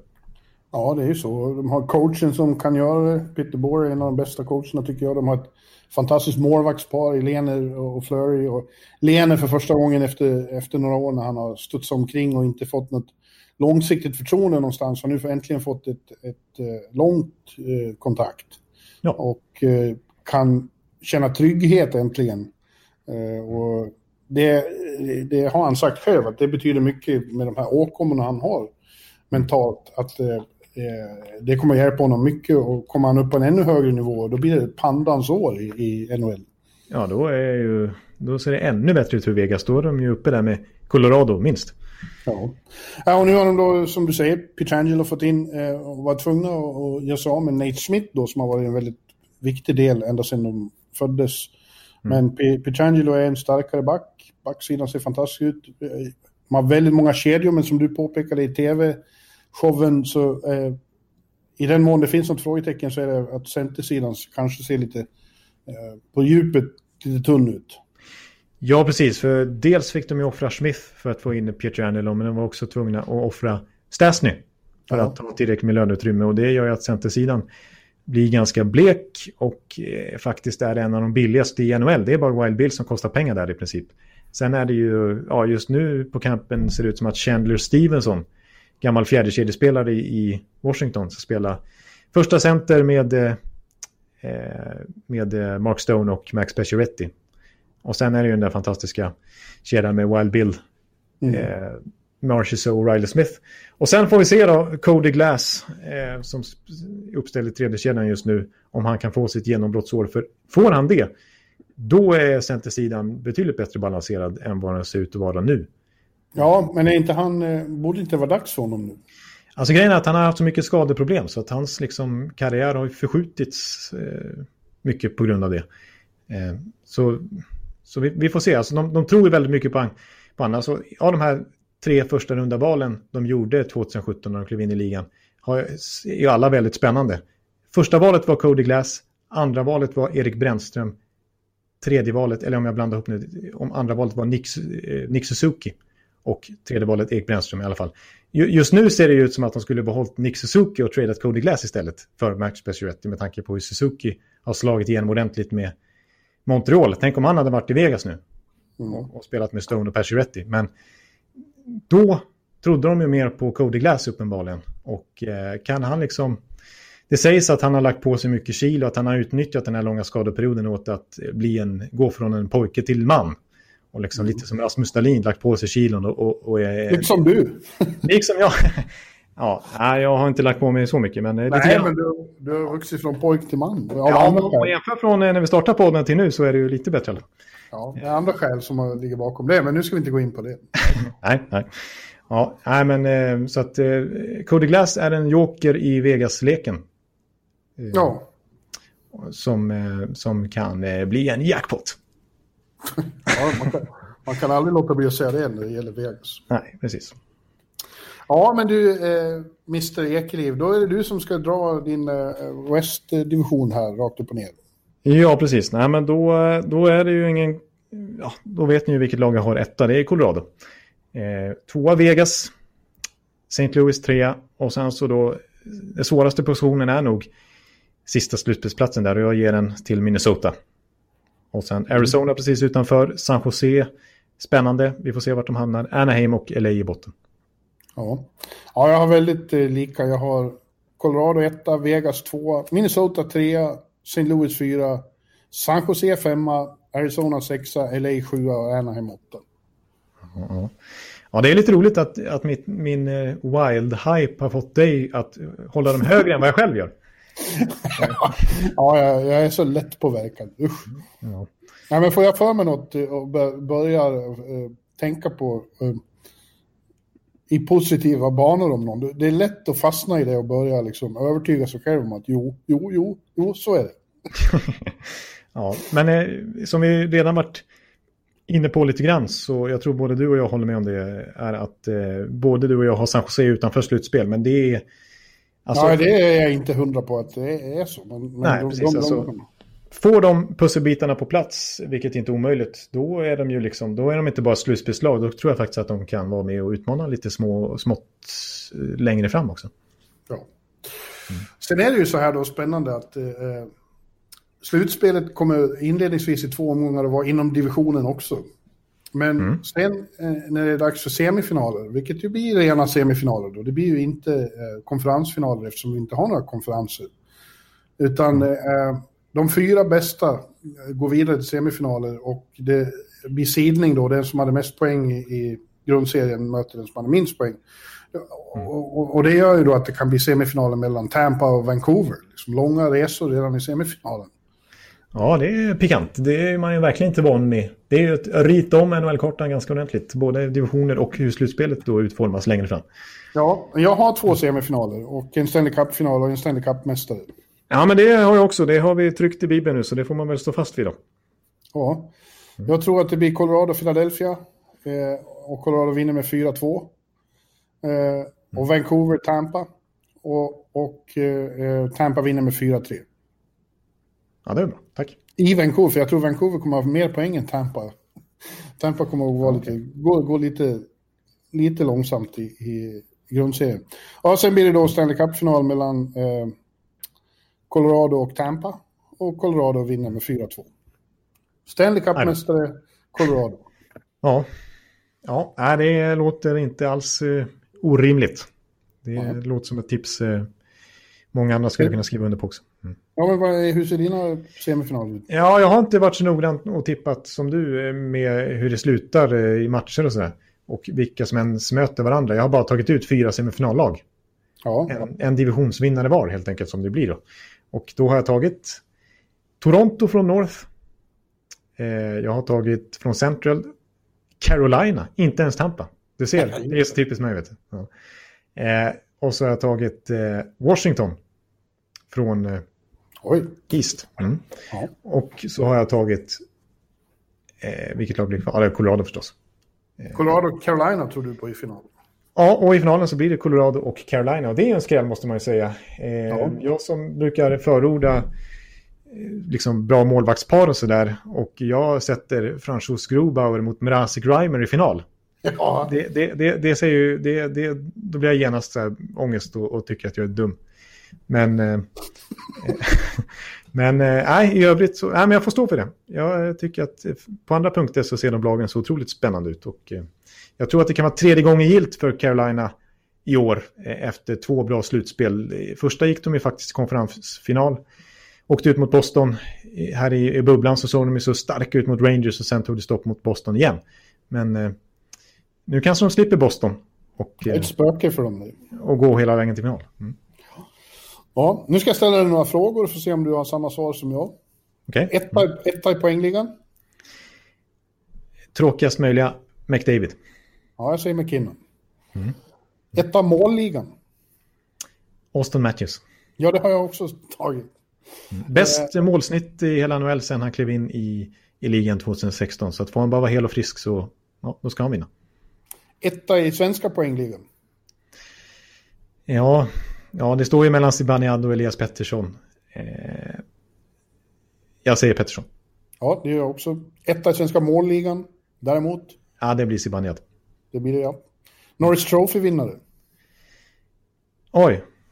Oh, det skulle vara kul att slå till med typ Heiskanen eller Ja, McAvoy var ju- eller McCarr eller något sånt där. Men eh, ja, jag tror inte kanske på Hedman med tanke på att jag tror Tampa kan krångla sig lite genom den här säsongen. Men eh, ja, du säger du först.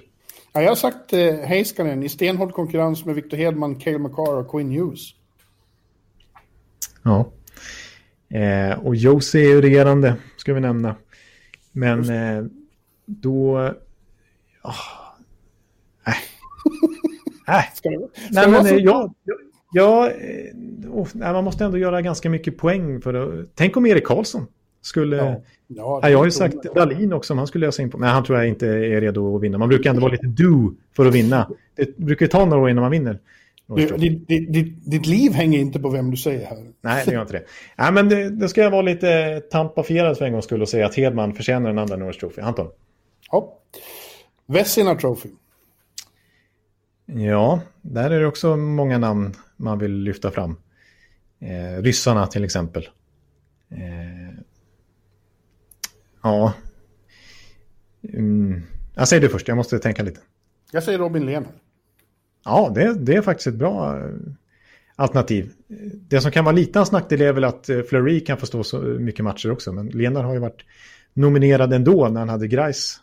Ja. Som spelar faktiskt fler matcher än vad Lehner gjorde den här säsongen. Och ändå blev Lehner eh, nominerad. Ja, det är, det är ett bra alternativ i ett bra lag. Som kommer släppa in lite mål. Ja, Ja, men jag, säger, jag, jag är tråkig och säger Lehner också då. Ja härligt. Jag tycker det är ett bra eh, alternativ. Ja. Calder Trophy, Rookie of the Year. Ja, ja, där är det ju jättemånga spännande alternativ. Alltså Lafreniere naturligtvis, eh, Kaprizov. Eh, Sjestjorkin räknas ju som rookie. Eh, Likaså Sorokin. Ja, jag har tagit, eh, återigen för att du har övertygat mig så mycket, så jag har tagit Kaprizov. Ja. Eh, Vi har ja, ju men- sett att de är väldigt unga draftettorna, att det inte alltid det smäller på en gång. Nej, precis. Och, och grejen är som, det som kan både vara en fördel men också en nackdel för eh, Lafreniere är ju att eh, eh, alltså Panarin och Zibanejad tar ju så mycket utrymme där. Det, det, det kan vara bra framspelare men det kan också sno poäng från honom. om man ska säga. Sno speltid och utrymme. Sådär, så att, eh, ah, jag har ju hypat så mycket Kaprizov så jag har ju liksom, jag får ju säga han då, jag får stå för det. Ja. Eh, Jack Adams Trophy, bästa coachen. Ja, ja, jag har ju slagit Bruce Bedros, Bruce Bedros, Bruce Cassidys eh, är, ganska. jag, nu tror jag i och för sig att Bruce Boudreau står först i kön. Ja, han kanske kommer in. Eh, Precis, det vore ju coolt om man tippar det, liksom, att Bruce Boudreau blir Jack Adams-vinnare. Han tar över... Eh, ja, vilken ska han ta över? Han tar över... John Hines får sparken han tar över Nashville. Ja, precis. Och Nashville går, går, går som ett tåg sen. Ja, Ja, det är vad jag tror och hoppas. ja, precis. Det är faktiskt inte helt otroligt. Eh, nej, men annars får jag väl säga Bruce Cassidy. Ja, jag har en liten skräll. Travis Green, Vancouver Canucks. Ja, just det. Du gillar ju verkligen Green efter att ha inte gillat honom tidigare. Ja, nej, han övertygade mig under slutspelet nu. Om han fortsätter på samma sätt och gör Vancouver till så bra som jag ju påstår att de ska gå i år, då kommer han att, ha den statusen. Ja, ja. Och sen gillar ju Kanada-media gillar ju Sheldon Keefe om Toronto skulle gå bra och så får vi väl nämna även Peter Laviolette om man skulle få den fart på Washington som vi tror. Ja, ja det finns många alternativ. DeBoer, eh, eh, Rod Brindamore om det går så bra som du säger för dem. Ja, verkligen. Ja, och Bedner börjar väl liksom få lite status också. Ja, och, och, och eh, ja, vem var det som föll bort i huvudet på mig nu då? Ja, Barry Trotz är såklart eh, aktuell. Och Tortorella om han lyckas eh, med Columbus fast eh, det är så mycket strul där nu. Det har vi glömt att nämna. Pierre, eh, du, vad heter han? Första centern. Det, Ja, Pierre-Luc Dubois. Nej, men var, vi var inne lite på det förra veckan. Ja, det var, det var ju så pass få dagar sedan vi spelade in så att vi hann få med det. ja, han, han har ju begärt trade. Ja, Eh, det känns inte som någon bra situation med Tortorella som coach. Nej. Nej. Ja, men det är slutligen eh, general manager of the year då. Ja, det är ändå värt att analysera i det här läget tycker jag. För att eh, det är nu liksom de har gjort sitt jobb. Lite Ja. Eh, någon som har gjort Ja, det bra. fast, eh, fast man vet ju först när man har facit hur, hur, Hur det har gått. hur, hur bra det lyckades. Men jag har ett intressant, jag tycker outsider-namn där, i Bill Cito i Florida. Ja, precis. Jo, men jag håller med dig om att han har gjort det bra och med en begränsad budget. De har ju liksom skalat ner lön och ändå så får han ihop ett väldigt spännande lag ändå. Ja, Eh, Men jag vet utifrån hur vi pratade förra avsnittet om Florida så vet jag att du tror på dem mer än vad jag gör. Mm. Eh, Jag tycker väl att Joe Sakic ska få eh, priset. Efter Ja, att liksom, dels vad han har gjort den här säsongen men också vad han gjort över tid med Colorado.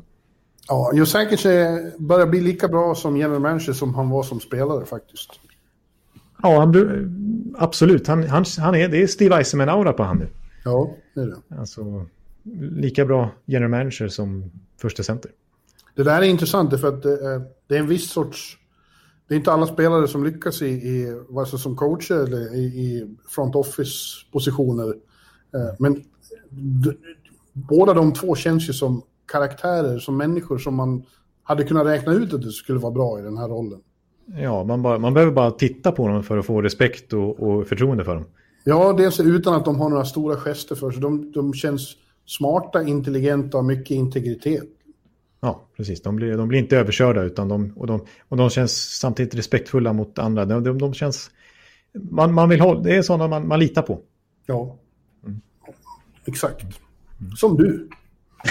Ja, jag, jag och Joe Sakic, vi är väldigt lika. Ja, nej men eh, ja, nu har jag ingen för Selke orkar inte gå in på. Eh, Nej, det blir väl Bergeron och Riley och Couturier och Ja. Barkov. King Clancy, vem vinner det? Ja, ja. Nej, det, är- det är töntigast. Nej, förlåt. Det är det. Nej, det är inget pris jag ens vill diskutera. Jag, eller, Mark- det kanske är bra Mark- att det finns, men det är... Det är nej. Mark Messier Leadership Award.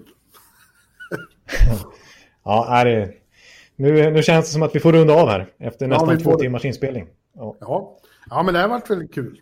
ja, men det tycker jag. Och det känns som att vi har eh, laddat upp så mycket vi kan faktiskt inför säsongen här nu med Bibeln till tryck och, och tvn som vi spelar in och de här preview-avsnitten och ditt eh, enorma blogginlägg som kommer här på morgonen. Så, att, Ja, så att, eh, nu, nu finns det material att ta av och vi hoppas att ni är lika sugna på det här som vi är eh, när pucken Ja. släpps natten till torsdag. Ja, nu kör vi. Ja, kvällen till. För det är ju så här också. Det blir fler matcher på vardagar på, på rätt behagliga tider eftersom eh, det spelar ingen roll eh, när de spelar för publiken får inte vara där i alla fall. Ja, Just det, just det. När är första matchen då? Vilken tid det är? Jag har bara räknat med att det är nattetid. 17.30 lokaltid, så före midnatt fel. Ja, ja, då så. Onsdag kväll då helt enkelt. Onsdag sen Ja. kväll. Så, så är det dags. Mm. Ja.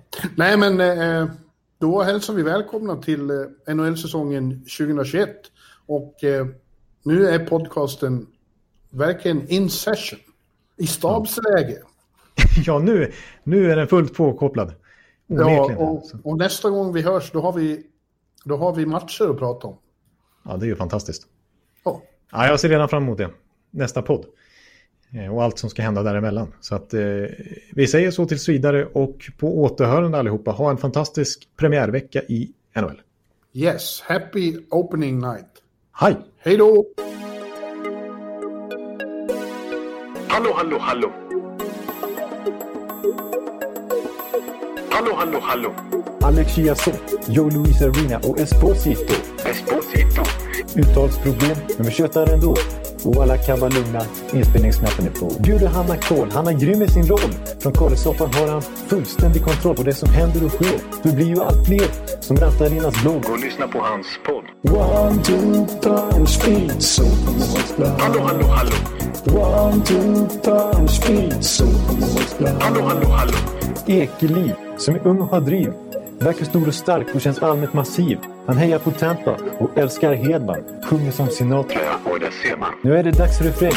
Dags för magi, Victor Norén. Du är ett geni. Så stand up at home and remove your hats. Höj volym, för nu är det plats. One, two, time, speed, so Hallå, hallå, hallå. One, two, time, speed, so Hallå, hallå, hallå. One, two, time, speed, so Hallå, hallå, hallå. One, two, time, speed, so Hallå, hallå, hallå. Det är otroligt länge sedan båda samtidigt var så här bra. Hallå, hallå, hallå. Det är otroligt länge sedan båda samtidigt var så här bra.